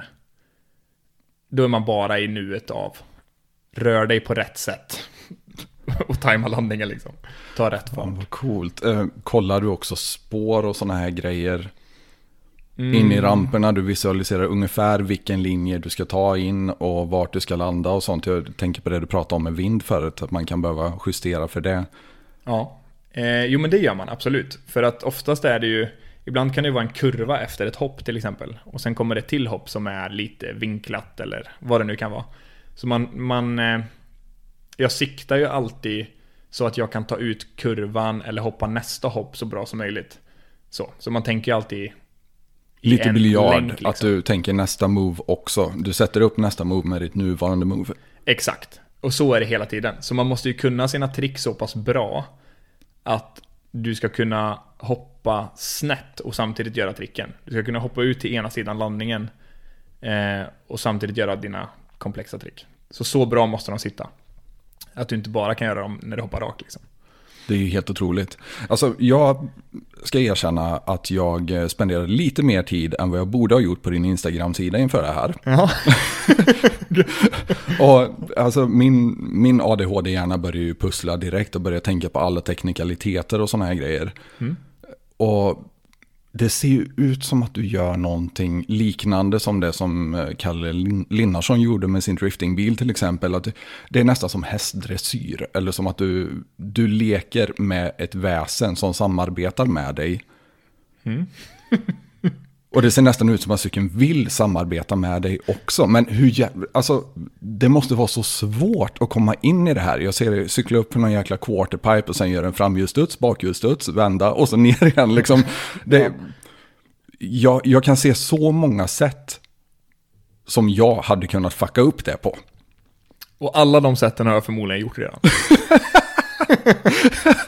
Jag misstänker det. Alltså, hur mycket träning har gått in i det här? Alltså det har ju varit som en eh, obsession sen jag var väldigt liten liksom. Sen har jag ett väldigt stort behov av att göra olika saker. Jag har ett jättestort variationsbehov i livet. Så jag, jag har inte kunnat liksom hålla mig på en sak hela livet. Därav till exempel MMA i sådana Ja. ja. Eh, spelat mycket liksom, eh, instrument och sånt där när jag varit skadad. Typ lite piano, lite gitarr. Eh, och gjort mycket annat också. Men Du är lite en sån människa som blir bra på det du gör för att du lägger så mycket energi på det misstänker jag. Ja, ja, ja, ja. Försöker jag säga ödmjukt. Jo men, det, men- det, alltså, det ligger någonting i det där för att du, jag kan tänka mig bara av att prata med dig, jag har känt dig lite innan. Jag har också sett hur du har jobbat i lokalen. Mm. Du lägger in mycket energi. Och du försöker inte vara lagom bra, utan du försöker vara väldigt bra. Ja, jag, alltså skulle jag vara below average, då skulle jag nog bli vansinnig på grejer. Ja, men ja, jag Så jag vill nog alltid det. komma över dit liksom. Jag vill vara lite bättre än average. Då, då börjar jag känna mig i min safe zone och sen vill jag slippa lite till helst. Jag förstår. Men då börjar liksom pusslet landa för mig lite. Att den här besattheten, den har funnits sedan du föddes i stort sett, eller? Ja, jag började väl liksom hoppa med cykel kanske sen när jag var 11-12 skulle jag säga. Ja. Mm, Det var då jag hittade cykling från första början. Ehm, Och när du säger börja hoppa, då, men, då menar du inte att du hoppade över någon kulle ute i skogen, utan du menar hoppa ordentligt i ramper och skit, eller? Nja, det var nog en kulle i skogen typ där, 11-12. Det var liksom på väg till eh, skolan, så var det som en liten jordhög som jag bara No shit! lyfte lite grann på. Och sen tog jag med polarna dit. Jag bara, ah, kolla vem som kan hoppa längst. Tävling såklart. Ja. Eh, de kom dit, vi började hoppa en meter, kanske till och med två meter i slutet. Sen byggde vi jordhögen lite högre, testade vinkla styret lite grann, släppte några fingrar i luften. Sen bara, åh det här är coolt, kan testa att släppa foten också. Eh, och den vägen var det. Sen fick jag en DVD faktiskt, kommer jag ihåg, av en kille som, han tränar också i MMA. Lin, kommer du ihåg Linus Sjöholm? Ja, absolut. Ja. Absolut. Han Gammal mycket- brottare också. Ja, exakt. Ja, han brottas ju mycket nu, vet jag. Ja. Han, eh, han var ju svinduktig på slopestyle eh, när han var yngre. Och han och jag var på en skidresa ihop. En annan kille som heter Linus som var min eh, barndomskompis bjöd med mig på en skidresa och då var Sjöholms där med sin familj. Och han cyklade mycket då och gav mig en DVD som var på honom och två andra cyklister. Eh, som var typ de bästa i Sverige eh, vid den tiden. Fick den och så fick jag se massa coola, så här, de kunde göra volter och snurra. Jag bara, Åh, det där ska bli jag liksom. så, jag, så det var typ så jag blev introducerad. Och sen kom ju YouTube och allt annat liksom. Och, ja. Sen Ja, men du har ju bara- verkligen växt upp i rätt era med tanke på det. För att när vi har internet, alltså hur hårt accelererar inte det vårt inlärande?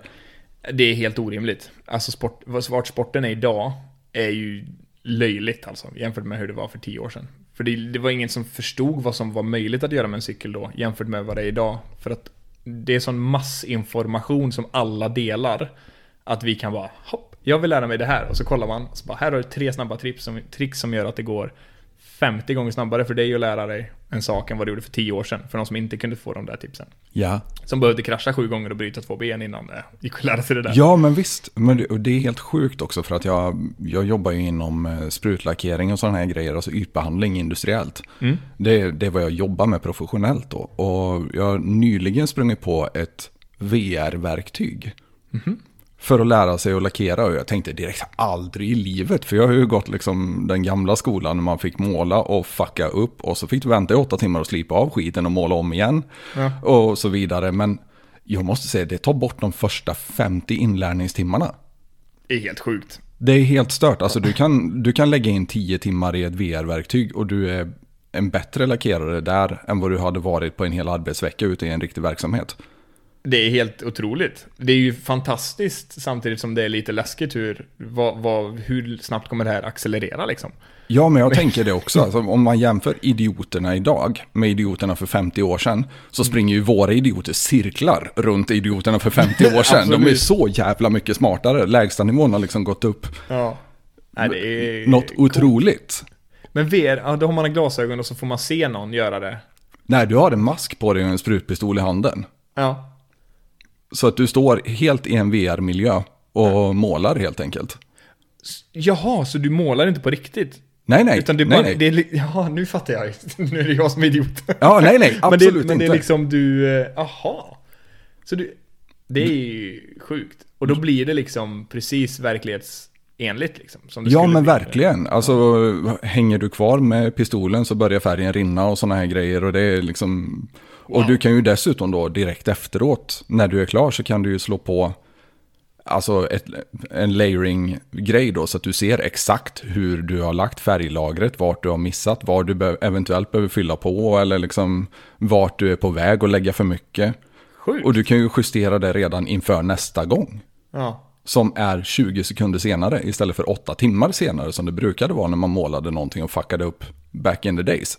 Just det, för det behöver inte torka eller det behöver inte så här precis. Precis, och du kan stå i dina egna kläder i en eh, skön miljö som inte stinker lösningsmedel och så vidare. Alltså, ja, jo men absolut, instegströskeln blev just så mycket lägre. Coolt. Och det är så jag känner liksom med utvecklingen överlag. Alltså att instegströskeln på allting är ju så låg idag.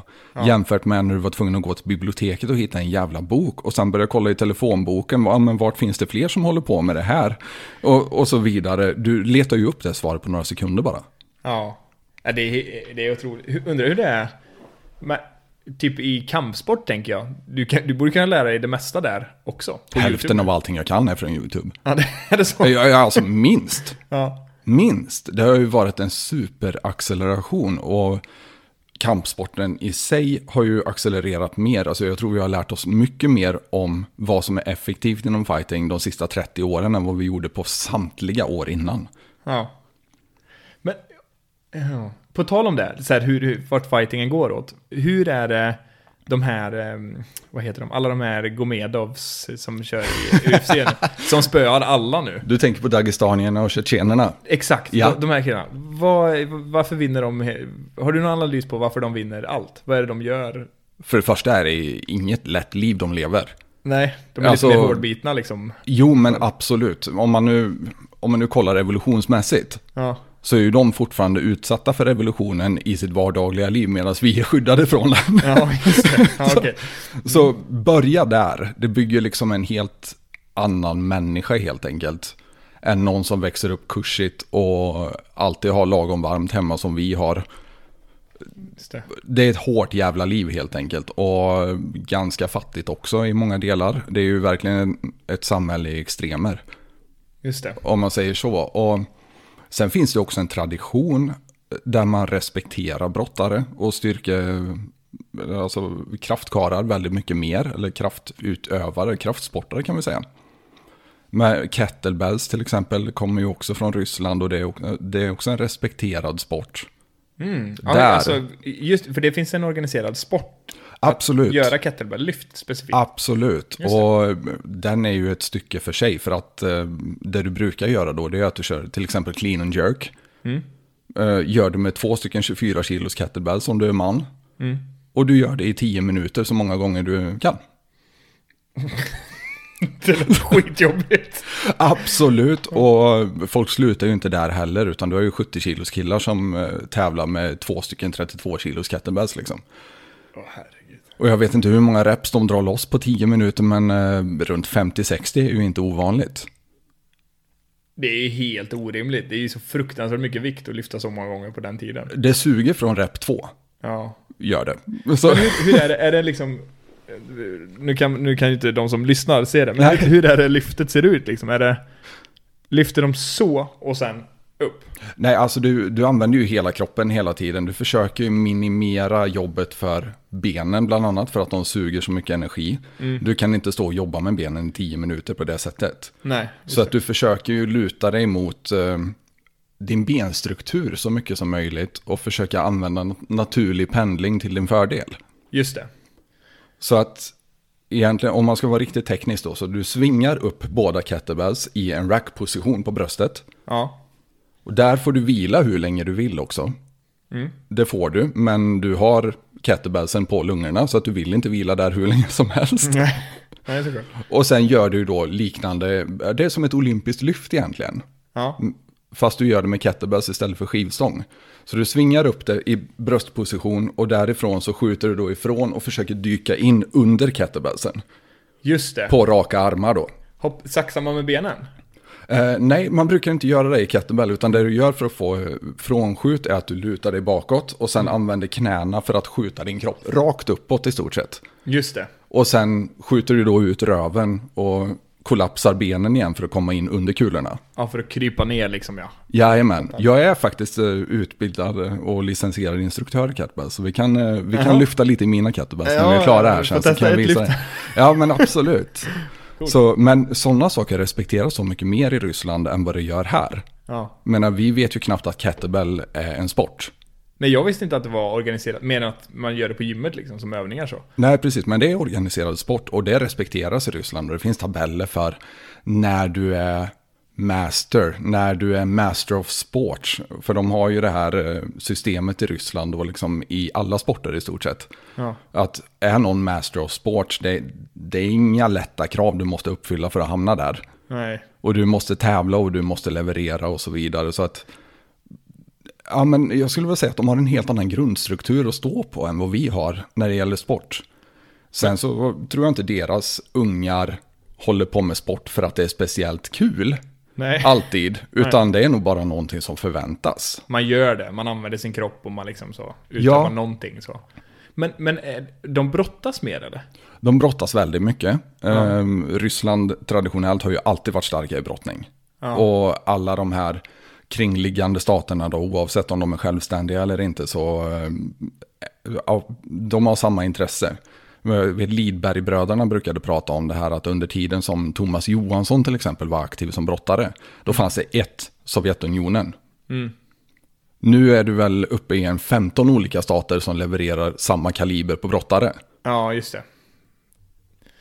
Ja. Och det var bara en brottare i varje viktklass från början. ja.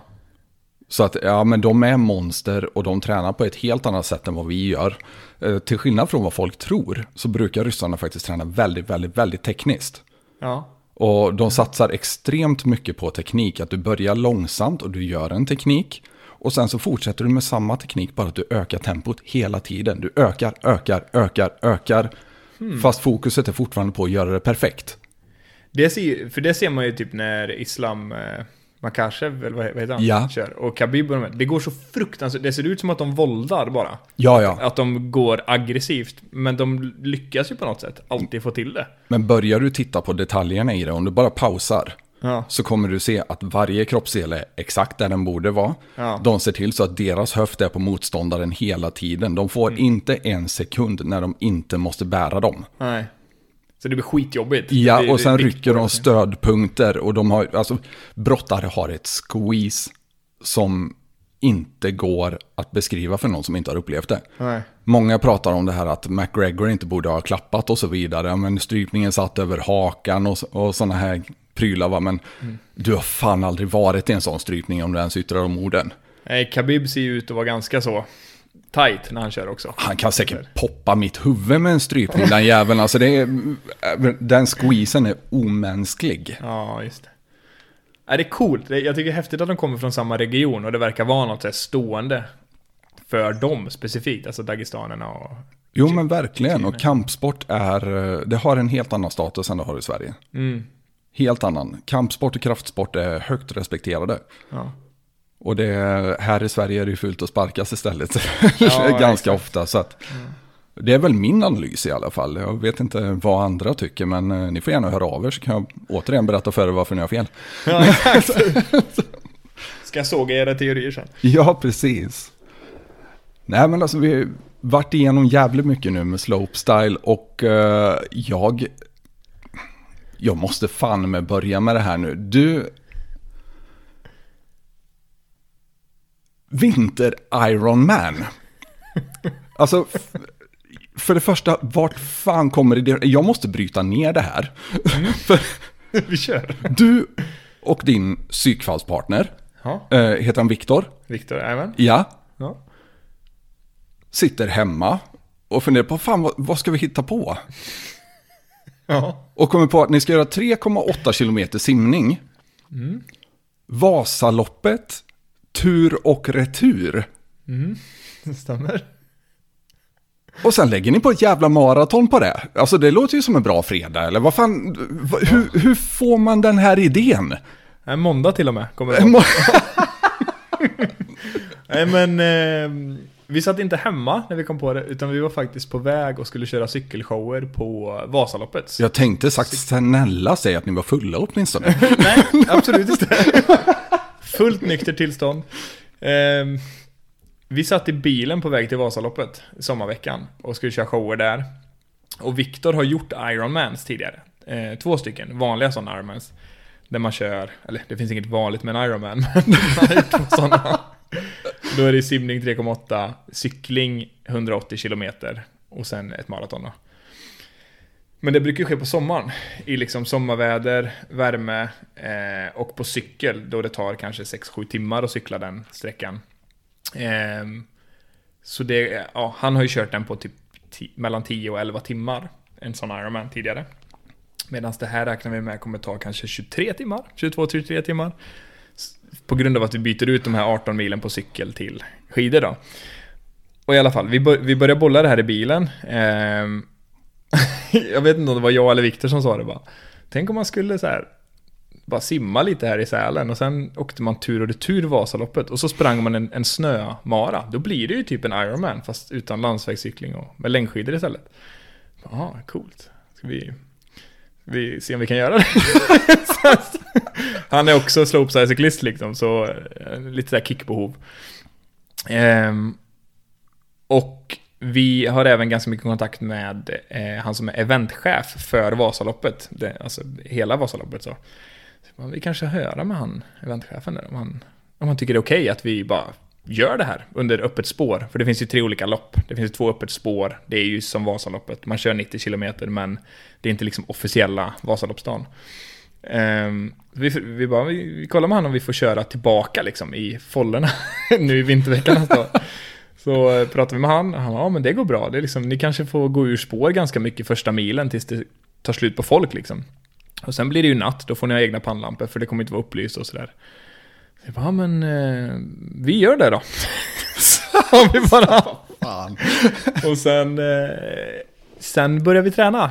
Så nu tränar vi ganska mycket och eh, kommer även göra en insamling till eh, en frisk generation som jobbar med så här hälso, typ, hälsoinsatser för familjer och eh, unga i utsatta områden. Ja men fan vad Så, härligt. eh, Ja, så det ska bli sjukt kul. Men jag är totalt livrädd för det. För jag har ingen aning om hur det kommer gå. Men, men vi tränar i alla fall på som att vi ska försöka klara det. Hur jävla mycket älskar ni att lida? Jag undrar det ibland med. På tal om att säga av mörka drivkrafter. En sida i mig vill nästan att det ska vara liksom fem plusgrader och lite pissregn sådär, så att det inte finns några spår. Bara för att jag vet att det kommer bli så mycket värre krig då, där ute. jag vet inte varför, men det, ja. Man har nog bara det. Antingen har man den här kärnan som vill utsätta sig och se vad man kan göra. Alltså vad man är fysiskt och mentalt kapabel till. Eller så har man inte. Jag verkar ju ha den genen då. Ja, Jag kan säga att det är bekräftat på den. Ja. alltså, jag är verkligen ingen eh, vetenskapsman eller eh, biolog på något vis, men jag bekräftar det. Ja, det tror jag. Ja, ja absolut. Vi fastställer det där då. Ja. Hur Nej, fan så- tränar man för det här? Ehm, man tränar mycket. Det är det som är ens liv liksom. Nu. Så eh, nu blir det ju mindre cykling nu. Alltså slopestyle-cykling. För min kropp är lite beat down typ hela tiden. Ehm, men jag kollade faktiskt i eh, mobilen förut, för jag reggar ju alla pass på Garmin-klockan liksom. Och då stod det att jag hade den här veckan, vi har ju en, lit, en liten typ struktur vi följer liksom.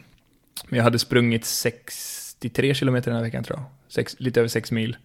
Åkt skidor 9 eller 10 mil någonting den här veckan. Simmat typ ett par kilometer och sen tre styrkepass på gymmet. Något sånt där. Så det är ju en ganska vanlig vecka. Och det är väl typ, vet inte hur många timmar exakt. Det kanske är, säg att det är 15 timmars veckor. Med liksom ren cardio-nötning. Om inte mer kanske. Nå- någonstans där är det. Har ni bra sponsorer? För det låter som att matkontot har eh, ökat exponentiellt. Matkontot har ökat. Väldigt exponentiellt. Ehm, och eh, ja, vi har spons med eh, alla skidgrejer från Madshus. De här killarna. Ja, så där. Eh, och eh, sen har vi eh, lite spons med så här, triathlon nutrition. Alltså så här, gels och bars och allting som man har, som tas upp väldigt lätt i kroppen. Eh, vi har en spons som heter Better You, som sponsrar med typ så här, alla vitaminer, lite proteinpulver och sånt där. Och sen har vi ett par sponsorer som jag inte får nämna än, men som eventuellt kommer gå in och bli huvudsponsorer. För vi kommer göra en dokumentär runt alltihop också. Ah, fan vad coolt. Ja, så vi ska filma hela liksom, processen när, på race day. Så nu måste vi verkligen klara det också. Annars blir det pinsamt. Ja, men jag älskar att ni sätter sån press på er i alla fall. Alltså, ni, ni är väl vana vid att leverera under press, men hur känns den extra nivån? Ehm, det känns... Eh, jag tycker det känns naturligt att man gör något sånt av det. Och oavsett hur det går så tror jag att man inte kommer ångra att vi gör en dokumentär satsning av det liksom. Men eh, jag känner ju en press på ett annat sätt än för typ ett slopestyle-event. För slopestyle-event, det är inte så många o... Alltså parametrarna där är jag så bekant med. Vad som kan hända under ett event. Vad som kan hända med cykeln, vad som kan hända med vädret. Vad som kan hända psykologiskt. Och jag vet typ hur jag hanterar de grejerna. Medan på ett 24 timmars konditions konditionslopp som aldrig har testats förut. Och åka 18 mil skidor, sen springa ett maraton. Plus simma då på morgonen. Det är liksom... Det är första gången någon i världen gör det. En sån distans. Det längsta skidloppet idag är 22 mil. Det är Nordenskiöldsloppet som går upp i Kiruna tror jag, någonstans. Nu Ni ska vi gör göra... nästan det som en del av en tävling då. Ja, så det här blir ju 18, det blir ju... Vi, vi gör Nordenskiöldsloppet fast vi simmar innan och vi springer sista fyra istället. För att åka skidor då. Så det kommer bli otroligt intressant. Och, eh, och det är så mycket som kan hända. Jag menar det kan ju vara smält, som sagt det kan ju vara smältväder. Det kan Ja. ju vara inga spår kvar. Det kan vara att vi eh, springer i slask liksom. Eller att vi har skitsvårt före när vi springer. Vi har inte stakat ut riktigt hur vi ska göra maratonet än. Så vi ska upp i januari nu och kolla terrängen. Men eh, är det många osäkra parametrar så jag är lite så här. Jag är delad. Skräckblandad förtjusning är det definitivt. Ja, men jag förstår det. Och det måste väl lägga på en skön nivå av eh, taggning, eller? Alltså, du måste vara så jävla taggad inför det här, redan. Ja, absolut. Orimligt taggad. Så man är ju... Det är ju svårt att tänka på så mycket annat än att träna nu liksom. Ja, men alltså, jag blir taggad av att bara höra om det. Ja. Så, men finns det någon tanke bakom det här, att det här kanske blir något benchmark för att fler ska kunna utföra utmaningen också, eller? Vi pratade lite om det. det. Det svåra är ju rent logistiskt att göra det. För att simningen kan vi inte... Vi pratade om att bryta upp isen först och simma utomhus, men det. Alltså, Ah, vi var så här, ja men det blir inte coolt om vi simmar inomhus. Men det blir ganska coolt ändå och det blir betydligt mycket mindre logistik i det. Alltså ni simmar inomhus i alla fall. Ja, vi kommer Ja. simma inne i Sälen på ett, eh, tre på natten kommer vi, kommer vi bli insläppta i eh, Skistars anläggningar där. Fan, du gör mig lite lugnare nu alltså, för jag har varit orolig för er hälsa redan när jag hörde talas om det. ja, ja, ja. Nej men så vi simmar där och sen åker vi ju eh, bil till starten som är typ sju minuter bort i bil. Tar på oss skidkläderna. Åker fram och tillbaka. Har ett support crew med oss och sen eh, ja, försöker göra det. Men som svar på frågan om det går att göra igen, alltså organiserat, kanske går om man liksom får med eh, någon form av arrangemang i det, att vi kan liksom få till med nutrition och sådana där sponsorer då. Men eh, ja, jag vet inte, för Vasaloppet är ganska så här. De har sin grej liksom. Vasaloppet, jag tror inte att vi kommer kunna koppla på det som en del av Vasaloppet, utan då blir det nog en ganska fristående så här. Ja, ah, joina de här idioterna som gör den här, vad, det, vad vi nu skulle kalla det liksom. Jo, men jag ser ju framför mig hur det här kan växa. Så det, det är ju en sån här grej som skulle kunna locka atleter från hela världen också, för att det är ju tillräckligt vrickat. Ja, absolut, och det är ju mer och mer känt nu med ultralopp och sånt där. Liksom. Ja. Det blir ju större. Så, ehm, Jag ser bara hur David Goggins tar på sig ett par skidor och börjar träna redan nu liksom. ja, han kommer nog inte ens träna för det. Han sticker nog och kör bara tror jag. Så kan det mycket väl vara. Snacka skit under tiden också. Ja, ja, ja. Who's gonna carry the boats? Ja, exakt. Hur fan äter ni för att supporta den här träningen? För att ni, alltså 63 kilometer löpning den här veckan. Mm. Och en hel hög med mil på skidor och lyftande på det. Det Mm. låter ju som att ni vänder på en 6-7 tusen kalorier per dag just nu. Vissa dagar är det då. Eh, inte riktigt så mycket, men 5000 är jag absolut uppe i många dagar nu liksom. Mellan 4 och 5 skulle jag säga. Är liksom där, där är typ snittet liksom. Ehm, och sen är jag ju ganska stor på det. Jag är ju ändå 90 kilos klump så. Tänkte just sagt det, du måste gått ner en del i vikt också. Redan Ja. nu eller? Ja, jag 6 kilo droppade jag på två månader typ. Och det var knappt med flit alltså. det bara hände. Då har du ändå försökt att hålla ikapp med ätningen och sånt. Ja, jag har definitivt inte varit så jättemedveten i så här, försöka hålla nere kalorier eller sånt där, utan jag har verkligen undrat så här, jag måste, för att det är svårt att få ut så mycket av träningen och bygga muskler och sånt där om man ligger på stort underskott. Så jag har bara varit så här, ja men jag äter mellanmål hela tiden och äter lunchlådor och allt vad det är. Men för det mesta, alltså jag har ingen så här jätteuttänkt diet med det, utan det är mer så här, jag käkar lite äggmackor till frukost, eller Typ gröt. 5-6. Ja, då säger det ett gäng liksom, Ja. en handfull. Sen äter jag någon stor lunchlåda, ofta är det kyckling och ris. Eh, och sådär. Och sen eh, käkar jag ju mellanmål hela tiden. Ofta är det mackor för att det är det lättaste. Två i rosten, lite smör, lite ost, något ägg. Mycket Mm. protein och carbs liksom. Jag har sagt det många gånger att den jäveln som uppfann äggmackan borde ju få något sorts nobelpris sådär postumt. Ja, det är Eller helt alltså, underbart. Fantastisk jävla näring. Jag jag tror hälften av min näring kommer från äggmackor vissa dagar. ja, det är gött också. Jo, men jag gillar det och det går att variera på så många olika sätt. Ja. Så att eh, det är svårt att bli trött på det. Örtsalt på. Oh ja! Det är gött. Ja, jag älskar örtsalt. Aromat är jag också en riktig jävla sucker för kan jag ju säga. Ja. Vil- vilken då? Aromat. Ja, och lägga Mm. det på... eh, Ja, ja, ihop med majonnäs eller någonting och ägg och så alldeles för mycket ost på det. Ja. Så ja, men då, då börjar man närma sig vettigt näringsintag sen. ja. det är gött. Men det, det måste ju vara som vi har sagt många andra gånger här i podden, för vi har haft eh, styrkesportare, vi har haft eh, MMA-fighters och så vidare. Mm. Det är lite att så fort du sitter ner så borde du äta, eller? Ja, mycket blir ju så.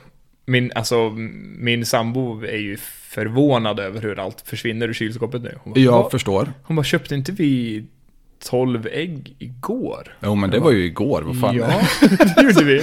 Det är, ju, det är ju nästan 30 timmar sedan nu så. ja exakt. Eh, Men så, eh, hon är verkligen, hon är lite snopen av hur mycket det går. För jag åt mycket redan innan i och med att jag är idrottare liksom. Ja, ja, Så absolut. nu är det bara ännu mer av mycket. Ja, visst. Så, ja. Hur ser stödet ut hemifrån? Med sådana här grejer. Ja, jo, men överhuvudtaget. Jag menar, eh, det verkar ju som att man, man behöver nog ha supporten, tänker jag, när man är proffsatlet. Ja, ja du tänker från eh, sambon? Ja, jag tänker från sambon och jag tänker tidigare också. Alltså, överlag bara. Hur ser su- supporten ut? Ehm, ja men bra. Mors, morsan och farsan har ju varit lite kluvna i att, att man, de har ju tagit en väldigt traditionell väg med så här utbildning. ehm, och sen liksom en ganska tydlig karriärsväg så. ehm, corporate och sådär då. Mm, så de, det är ju den vägen de kan. Så den vill ju de lära mig eller säga så här, ja men det här är en ganska, de vill det bästa för sitt barn liksom. Det här är en trygg Självklart. väg som funkar. Eh, samtidigt som, så det har varit, eller det har rättare sagt, det har varit många dialoger där jag har fått förklara att så här funkar jag. Ja. Jag har de här behoven och jag har de här intressena och det här brinner jag för och det här känns inte som jobb för mig. Men jag kan ändå ha det som ett jobb så jag eh, tänker nog fortsätta med det. För jag Ja, tycker det är så pass kul liksom. Eh, och det har tagit eh, många dialoger men nu är de nog, eh, ska vi säga att de supportar det jag håller på med liksom. De, ty- de tycker det är kul, även om de tycker att eh, cyklingen är ganska läskig fortfarande. I och med att det har varit så mycket skador och sådär så. Ja men det förstår jag. Det, det förstår jag rakt igenom. För att det, du leker ju med din hälsa varje gång. Ja, det blir ju så. Och um, farsan, det var sjukt emotionellt eh, läge. Farsan är inte den som gråter särskilt ofta. Men när jag bröt ryggen nu i eh, somras så mötte han upp mig på eh, sjukhuset. Dag, dagen efter, eller två dagar efter. något sånt där. För då gjorde vi en eh, efterkontroll bara för att se vad läkarna eh, i Sverige sa. Eh, och då fick han komma med in på akuten, för vi tog någon akuttid. Och då sa han, så här, ja men det var skönt att det gick bra den här gången också då.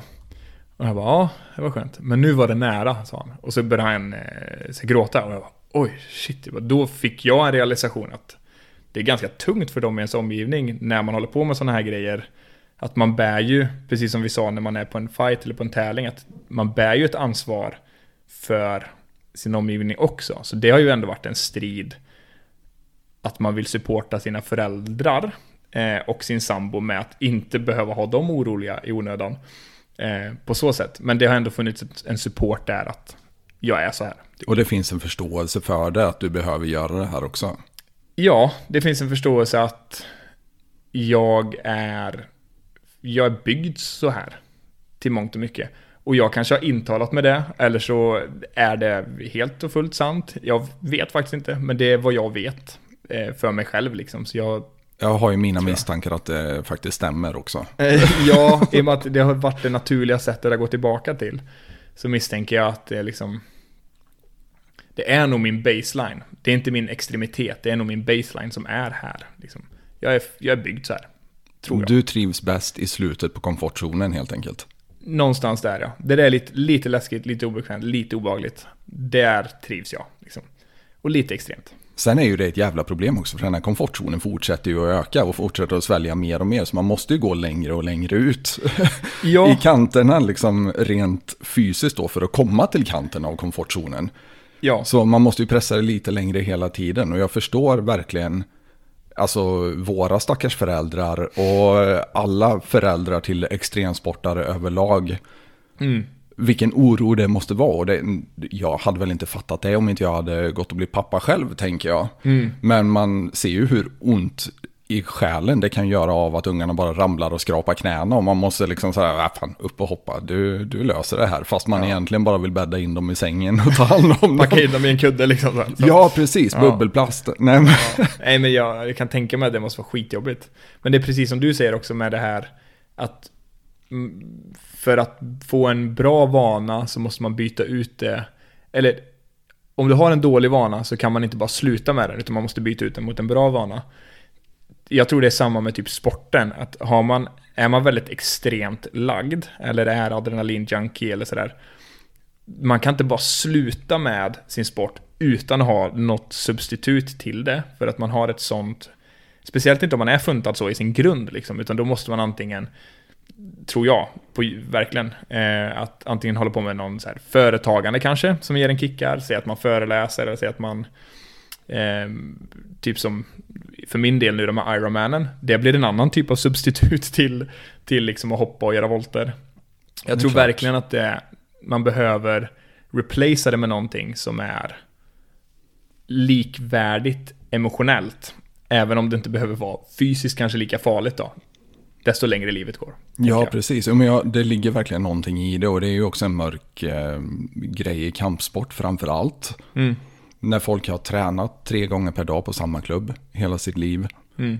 Och på någon gång i månaden så gör man det här när man går ut framför en hög med skrikande människor och slåss för sitt liv. Alltså vad fan kan vara lika intensivt som det? Och sen när folk slutar med det. Det är så mycket tid och det är så mycket energi som du inte får utlopp för. Så det är ju tyvärr många som har eh, alltså gått under på grund av det. Eh, Mikael Ljungberg är ju ett jättebra exempel på han tungviktsbrottaren. Mm. Som slutade brottas och det tog ju inte lång tid innan han eh, hade dött för egen hand tyvärr. Mhm.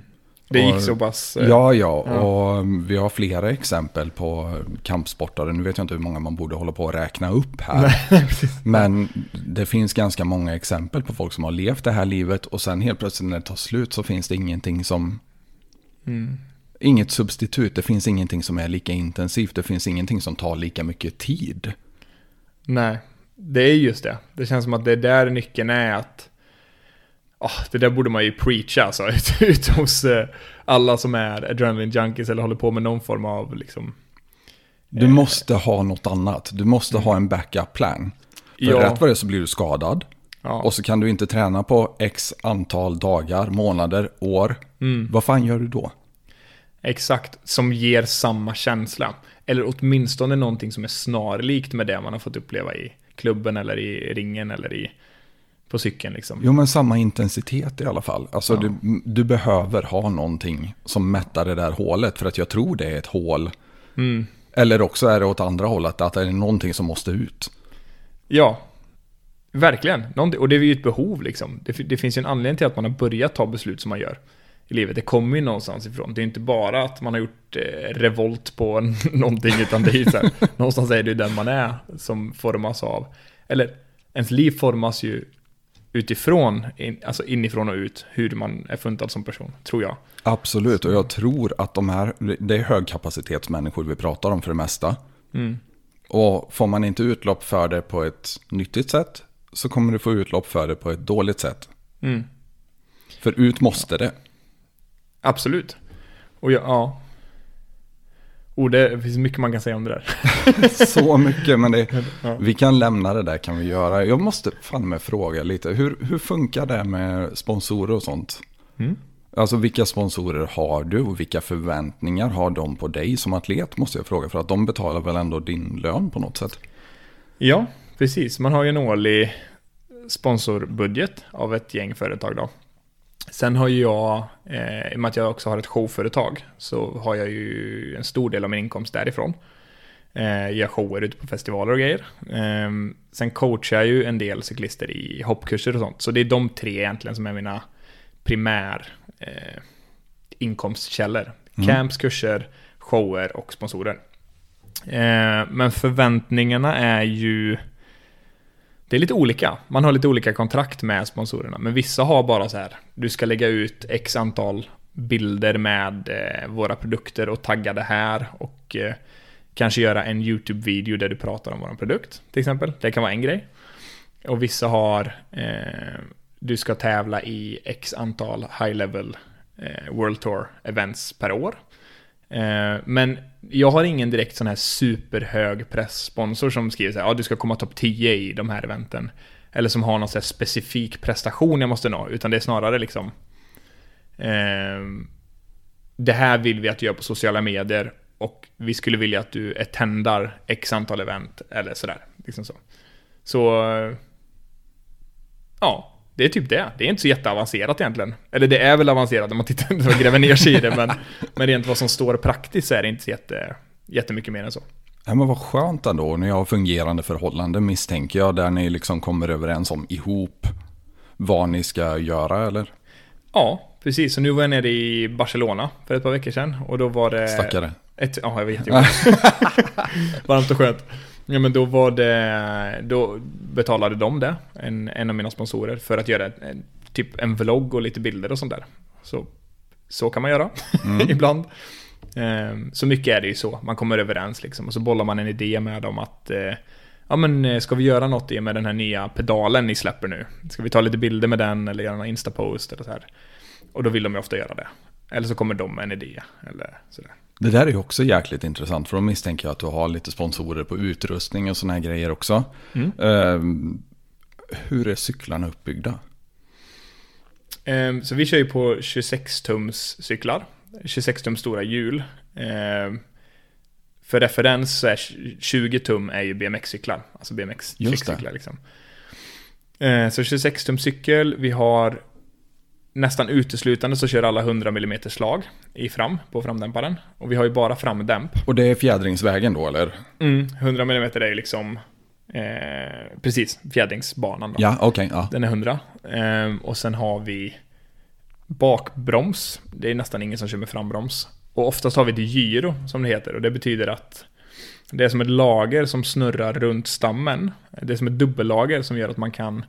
Det går liksom inte vajrar eh, hela vägen. Utan, Ja, så du kan rotera styret hela vägen då eller vad? Ja. Ja. Och du kan snurra hur många varv som helst liksom. ja. Så det är en viss bromsgyrofunktion, eh, kallas det då.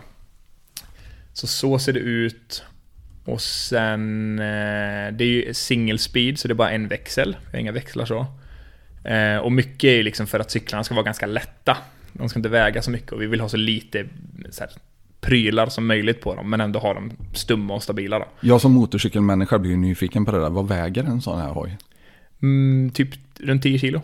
10-11 kilo. Det är inte mycket alltså för... Det är ju eh, en liten hantel liksom. Ja, och för det den levererar ändå. Jag tänker mig att den måste vara extremt styv i ramen och så vidare och vridstyv sådär. Så vad, vad är det för material de tillverkas av? Eh, aluminium nästan uteslutande. Ah, Okej, Är det. det finns vissa stålramar, men det li har lite gått ur tiden. Kolfiber är inget man jobbar med alls eller? Styren kan vara det. Styren och lite vev, eh, vevarmar och sånt där gör de en del kolfiber. Men eh, det är också lite läskigt, för när det är kolfiber så blir det en liten, liten sprickbildning. Det kan ju snappa direkt liksom. Yes, och det orsakar fruktansvärda skador vet alla som har kollat på lite pilbågsvideos på YouTube när de skjuter skadade pilar. Ja, när de sådär släpper. Ja, det där är inte bra alltså. Det finns det är, visst, har de mycket kolfiberpilar. De kör mycket kolfiber, men jag tror de börjar gå ifrån det lite nu. På grund av Också det. på grund av eh, skaderisken, ja, att man letar andra material. För att Mm. problemet är om du får en liten, liten spricka, precis som du beskriver med styret. Mm. Och du släpper iväg pilen med all den kraften som det innebär att du släpper på direkt. Mm. Om, eh, det händer ju då att den pilen splittras och det blir ju långa flisor som liksom inte går av. Utan alla de här flisorna tar ju ofta vägen genom din hand på vägen. Åh, det är så fruktansvärt att tänka på. Och bli sittande, ja, precis. Så att du får liksom arslet på pilen kvar medan allting annat är flisor som, ja men de, de går ju igenom allting som är i vägen. Nu tänker man liksom en här liten flis man kan få i näven och så bara genom Ah, allt. Rakt igenom, en taggig, äcklig jävla kolfiberflis rakt igenom alltihop. Det finns eh, fantastiskt eh, informativa bilder att googla upp ifall man vill kolla på det här. Jag Ja, rekommenderar på det egen risk. Jag rekommenderar det verkligen inte. Absolut inte. Men fan vad coolt. Är det, och jag antar att det går ganska mycket utveckling i det här också, eller? Ja, absolut. Hela tiden. Jag menar, första cykeln jag hade för vad det nu var, 15 år sedan, 16 år sedan. Den vägde ju typ 17 kilo. Åh oh, jäklar. Så Ja. det har ju gått bort sju, ja nästan halva vikten snart liksom. På bara hur, hur mycket den väger. Och den håller bättre. ja, det men det är ju liksom- skithäftigt. Ja. Och det här med bromsgyron fanns inte riktigt. Eh, till, det fanns till BMX-cyklar, men det var ingen som hade haft, som använde det på dirt, eller så här slopestyle-cyklar just då då. Men nu, så det har varit de senaste åren. Ehm, ja, men det händer grejer hela tiden. Ja. Som är utveckling och så här. I och med att det är en ganska ung sport också, så finns det så mycket nytt och... Ja, men det måste ju gå jäkligt fort här nu, tänker jag, när det börjar få lite uppsving i media och allt möjligt. Och som sagt, stora sponsorer som börjar komma in och blåsa upp alla. Mm. Oh ja, absolut. Ja, men På det tal om det så måste jag nästan fråga lite också, vilka åkare ser du upp till? Och vilka borde folk kolla in ifall de är intresserade av sporten? Ehm, oh, just slopestyle. Det finns en kille som är väldigt allround, som kör mycket downhill och slopestyle och freeride. Som heter Brandon Semenak, som är en kille från Kanada. Han har vunnit världscupen en massa år också. Okej. Men sen har vi ju en kille, en väldigt nära vän till mig, eh, som är uppvuxen i Trollhättan. Och som numera är obesegrad, typ. Han har vunnit de största eventen som kallas för Crank Race då. Eh, 14 gånger kanske har vunnit nu. Alltså, vilket är mest eh, vinster i historien någonsin på de här eventen. Han är eh, helt sjuk i huvudet och han är kall som eh, Fedor, typ. Ja, okej. Ungefär. ja. Så han är... Eh, Emil Johansson heter han. Mm. Världsmästare sen typ... Undrar om han är tre eller fyra gånger nu. Vunnit världscupen. I rad alltså. Och bara helt iskall. Totalt bara så här. Om man ser... Det finns liksom eh, sjuksköterskor. De, eh, de får jobbet gjort. Sen finns det läkare. De, de är duktiga liksom. De eh, liksom är med i toppen. Och han är den enda kirurgen i hela världen skulle jag säga inom den här sporten. Han är totalt bara så här. Han, han kör en annan sport än vad Ah, resten av okej. slopestyle-världen är. Så dominant är han de senaste åren. Det är ju en skitfin beskrivning verkligen. Ja, men han är, det är verkligen så. Det är som ett gap i liksom ren bara fysiskt och mental förmåga inom idrottsvärlden. Så Emil Johansson kan man kolla in. Eh, Och annars var det Brandon... eh, ja, Brandon Semenak. Sen, eh, det finns så sjukt många duktiga. Men eh, vill man se på mycket snurrar så kan man kolla på Nikolaj Rogatkin. En kille som, han gör 1440 så grejer. Oh god damn. Det är typ jättemånga varv. Ja. Eh, finns det mer? Eh, Alltså jag som är helt obildad inom det här, jag kan ju tycka att eh, Fabio Widmer är skitcool. Alltså han har ju framförallt gjort en jäkla massa häftiga videos på YouTube som man eh, kan fastna i. Jag tror jag la en hel eftermiddag på den när jag upptäckte honom. Bara, Vad fan är det här för jävla människa? Ja, Nu vet jag inte hur bra han är i tävlingssammanhang eller någonting, men eh, alltså väldigt underhållande video som inget annat. ja han, det är ju det han satsar på. Han Mm. satsar ju på liksom YouTube. eh, Och han är ju enorm på YouTube. Han gör helt sjuka projekt. Verkligen, men eh, alltså ni som är slopestyle-åkare då, tycker ni att det är coolt eller är det mer som man tänker att det är lite diskotricks? Nej men han, är, han gör helt sjuka, alltså han gör ju mycket typ stunts mer än tricks. Ja. Om du förstår skillnaden att stunts är liksom mer, han kör ju, du har säkert sett när han hoppar i skidbacken. Oh ja, hoppar upp på något tak och liksom så här. Han hoppar ju så sjuka typer av hopp och typ transfers och grejer som är helt eh, out of the world liksom. Och sen gör han trick på det, så han är ju han är absolut cool. Han är absolut bra street cred. ah, liksom. okej, bra att jag fick det. Så du är inte ute och cyklar liksom? Ja, men vad skönt, skönt. Men han, eh, ja han är cool. Han är ju, ja precis, vill man se på bara eh, underhållande content, då är han typ den bästa för det. Jag trillade ju in i det så jävla hårt. Det var som att jag bara dök ner i ett kaninhål och sen satt jag där. Ja, ja, ja. Nej men det är ju sådana videos. Den är, den är sjukt bra. Och sen Pilgrim är väldigt rolig också. Okej, En kille från England som har, han har också ett par miljoner subscribers på eh, YouTube. Också sett Dirt Jump Slopestyle cyklist från början. fan vad coolt. Ja. Hur, hur tror du att sporten kommer att utvecklas genom framtiden? För jag misstänker att det Mm. går jävligt fort och det är svårt att hänga med i allting som händer och så vidare. Men du Ja. som ändå är inne i det har, har väl någon sorts insight över vad du tror? Ja, det som är nu är ju att eh, nästa år i Crankworks då, det som är eh, den högsta divisionen, topp 14 i världen. De eh, kommer ha en tjejklass nästa år. Så en damkategori med sex stycken damer på varje Crankworks-event. kommer Fan vad härligt. Ja, så det finns en officiell liksom, damscen nu i högsta division också. Det har funnits tidigare i de underdivisionerna liksom. Men nu kommer de köra där. Eh, och det kommer nog bara växa. Just för att den scenen finns så tror jag mer tjejer kommer börja köra. Ehm, och sen när det blir, det blir ju liksom, desto längre en sport finns och desto fler sponsorer och pengar som finns engagerade i någonting, desto mer organiserat behöver det ju bli. Så eh, det blir mer större regelverk kring vad som är avdrag för och inte. Alltså till exempel om du slinter en pedal i landningen, då får du fem poäng avdrag Ah, Okej, av 100 okej. möjliga. Eller 10 kanske det är nu till och med. Ja, det är något sånt här. Men det, man går så djupt i, i teknikaliteter liksom. Ja, ja, alltså slinter du av, det är avdrag. Landar du lite snett, det är avdrag. Det blir mer sketchy liksom. Ah, Ehm, landar du kort i topp, men ändå får fart till nästa, då blir det också, du tappar flow och det blir också avdrag. Ehm, så mycket, jag tror det kommer bli ännu mer detaljerat regelverk. Och sen tror jag att de kommer bygga om, för det som har varit nu, det har varit att det har varit ganska traditionella eh, hopp, alltså ganska raka hopp, ramp till landning till ett dropp, vilket innebär att du kör ut för en plattform och så faller du några meter ner till en landning liksom. Jag tror det kommer bli mer varierade banor, där hoppen är lite mer, eh, man kanske hoppar upp och gör wallrides mer, det finns sånt idag också. Men jag tror det kommer bli mer standarden, just för att trickmässigt är vi redan så långt fram. Att jag tror det kommer snarare bli kreativitet i hur man utformar tävlingsbanorna än hur man utvecklar tricken från hur, vart vi är nu liksom. Förstår. Förstår. För tricken kommer att bestå hyfsat men banorna kommer att förändras lite tänker vi då. Jag tror det. Mm. det. Det, är min gissning. Och så har man å andra sidan tänkt i tio års tid att tricken är där de är nu liksom. Men jag tror det är mer att fler folk kommer köra på en extremt hög nivå och den nya nivån är, jag tror inte den kommer utvecklas så fruktansvärt mycket. För Emil som är i toppen nu, han gör så absurda grejer som är så långt före sin tid redan. Så jag har svårt att se att det går snabbare liksom. Jag, jag, förstår. Ja. Uh, om man nu skulle vilja satsa på en karriär som proffsatlet. Mm. Eller om man uh, vill börja med slopestyle eller vad, uh, cykling överlag. Hur beter man sig?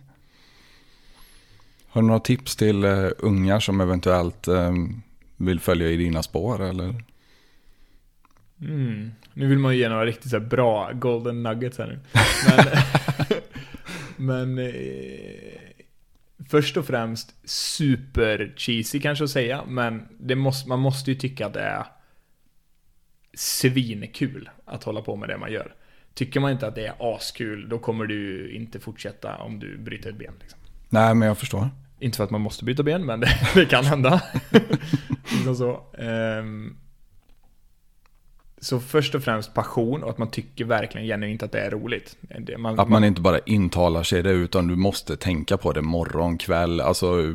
Ja, det måste kännas naturligt att så här, eh, så är man intresserad av slopestyle, för egen del så var det så här, jag, när jag åkte bussen in till skolan ute i Stöpen liksom, eller i, på Västerhöjdsgymnasiet, då var jag så här, på väg in dit, då såg jag naturliga hopp liksom.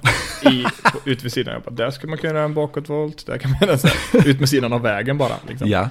Så så mycket var det i huvudet då. Eh, och är fortfarande till viss del så emellanåt. Så det måste finnas en djup passion. Och sen rent så här konkret vilka steg man kan ta till att bli professionell. Mycket hänger ju på att man har support från sponsorer eller hittar ett sätt att finansiera sitt, eh, sin karriär. Liksom.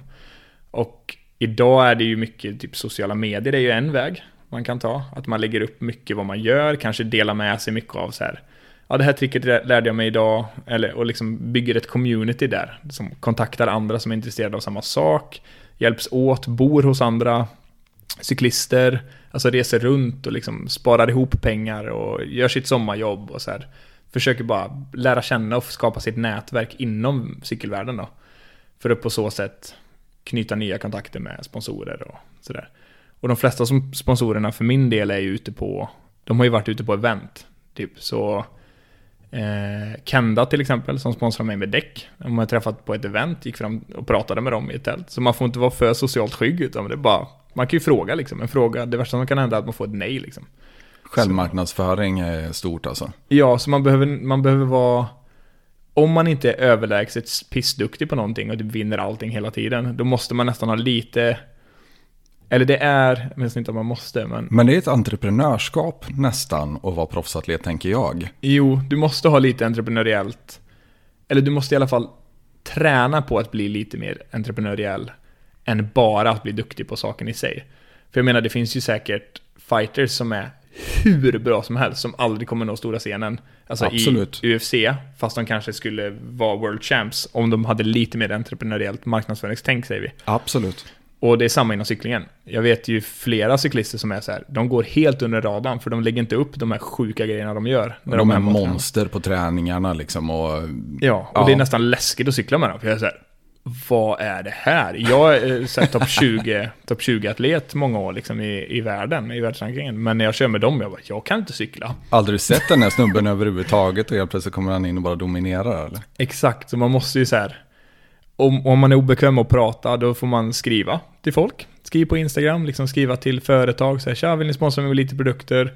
Och så bara, den vägen har jag gjort mycket. Och sen våga fråga om hjälp. Fråga cyklister som redan har tagit samma väg. Eller om man vill bli fotbollsproffs, fråga folk som redan är proffs, säger vi. Liksom, vad, eh, hur gjorde du? Var det en talangscout? Liksom, sondera terrängen, hitta liksom, vad, vad har funkat för andra? Det, det tror jag är sjukt viktigt. Våga fråga, var passionerad och träna på att marknadsföra dig själv. Tycker det är skitbra tips. Hur kan folk eh, följa dig? Hur hittar man dig? Hur kan man följa ert fullständigt galna race? Alltså, berätta lite.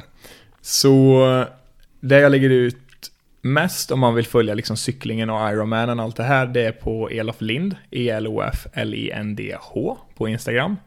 Eh, det är väl typ Instagram, för jag länkar det mesta via Instagram om jag eh, lägger ut på Facebook och sådär också. Så där kan man följa, för där kommer jag uppdatera allt om Ironman, cykelprojekt eh, och sådär. Och vill man komma och se på cykelshow så är det MTB Freestyle Show på Instagram. Där lägger vi upp när vi börjar turnén, runt april kommer det bli nästa år. Eh, och YouTube heter jag Elof Lind, med Lind utan H, så E-L-O-L-I-N-D. Variation. Ja. ja. Eh, och där lägger jag upp lite pö om pö, lite då och då. Liksom så här. Jag kommer nog lägga ut några YouTube-videos om själva Ironman-förberedelserna. Eh, men sen gör vi ju en dokumentär också efter det då. Så det är väl typ det. Ja, jag tycker det räcker. Har du några shoutouts du vill göra? Um... Ja, men det, det är väl nog min sambo då. Måste ju ge henne lite cred. Det är typ hon som gjorde att jag eh, gick för en proffskarriär från början. Att jag vågade gå för en proffskarriär. Fan vad härligt. Ja. Så jag Johanna, cred till Johanna. ja, mad shoutout till Johanna. Ja. Elof, du är helt jävla galen. På ett helt underbart sätt. Och tack så hemskt mycket för att du tog dig tid att komma hit. Och bara, bara en bad motherfucker all around. Tack själv, det var supertrevligt. Skitkul. Super, du är grymt inspirerande också. Så jag hoppas att uh, många följer er i allting ni håller på med. Eller dig och er i allting ni håller på med. För det här är, det här är grymt bara. Stort tack och tack för det. Tack själv.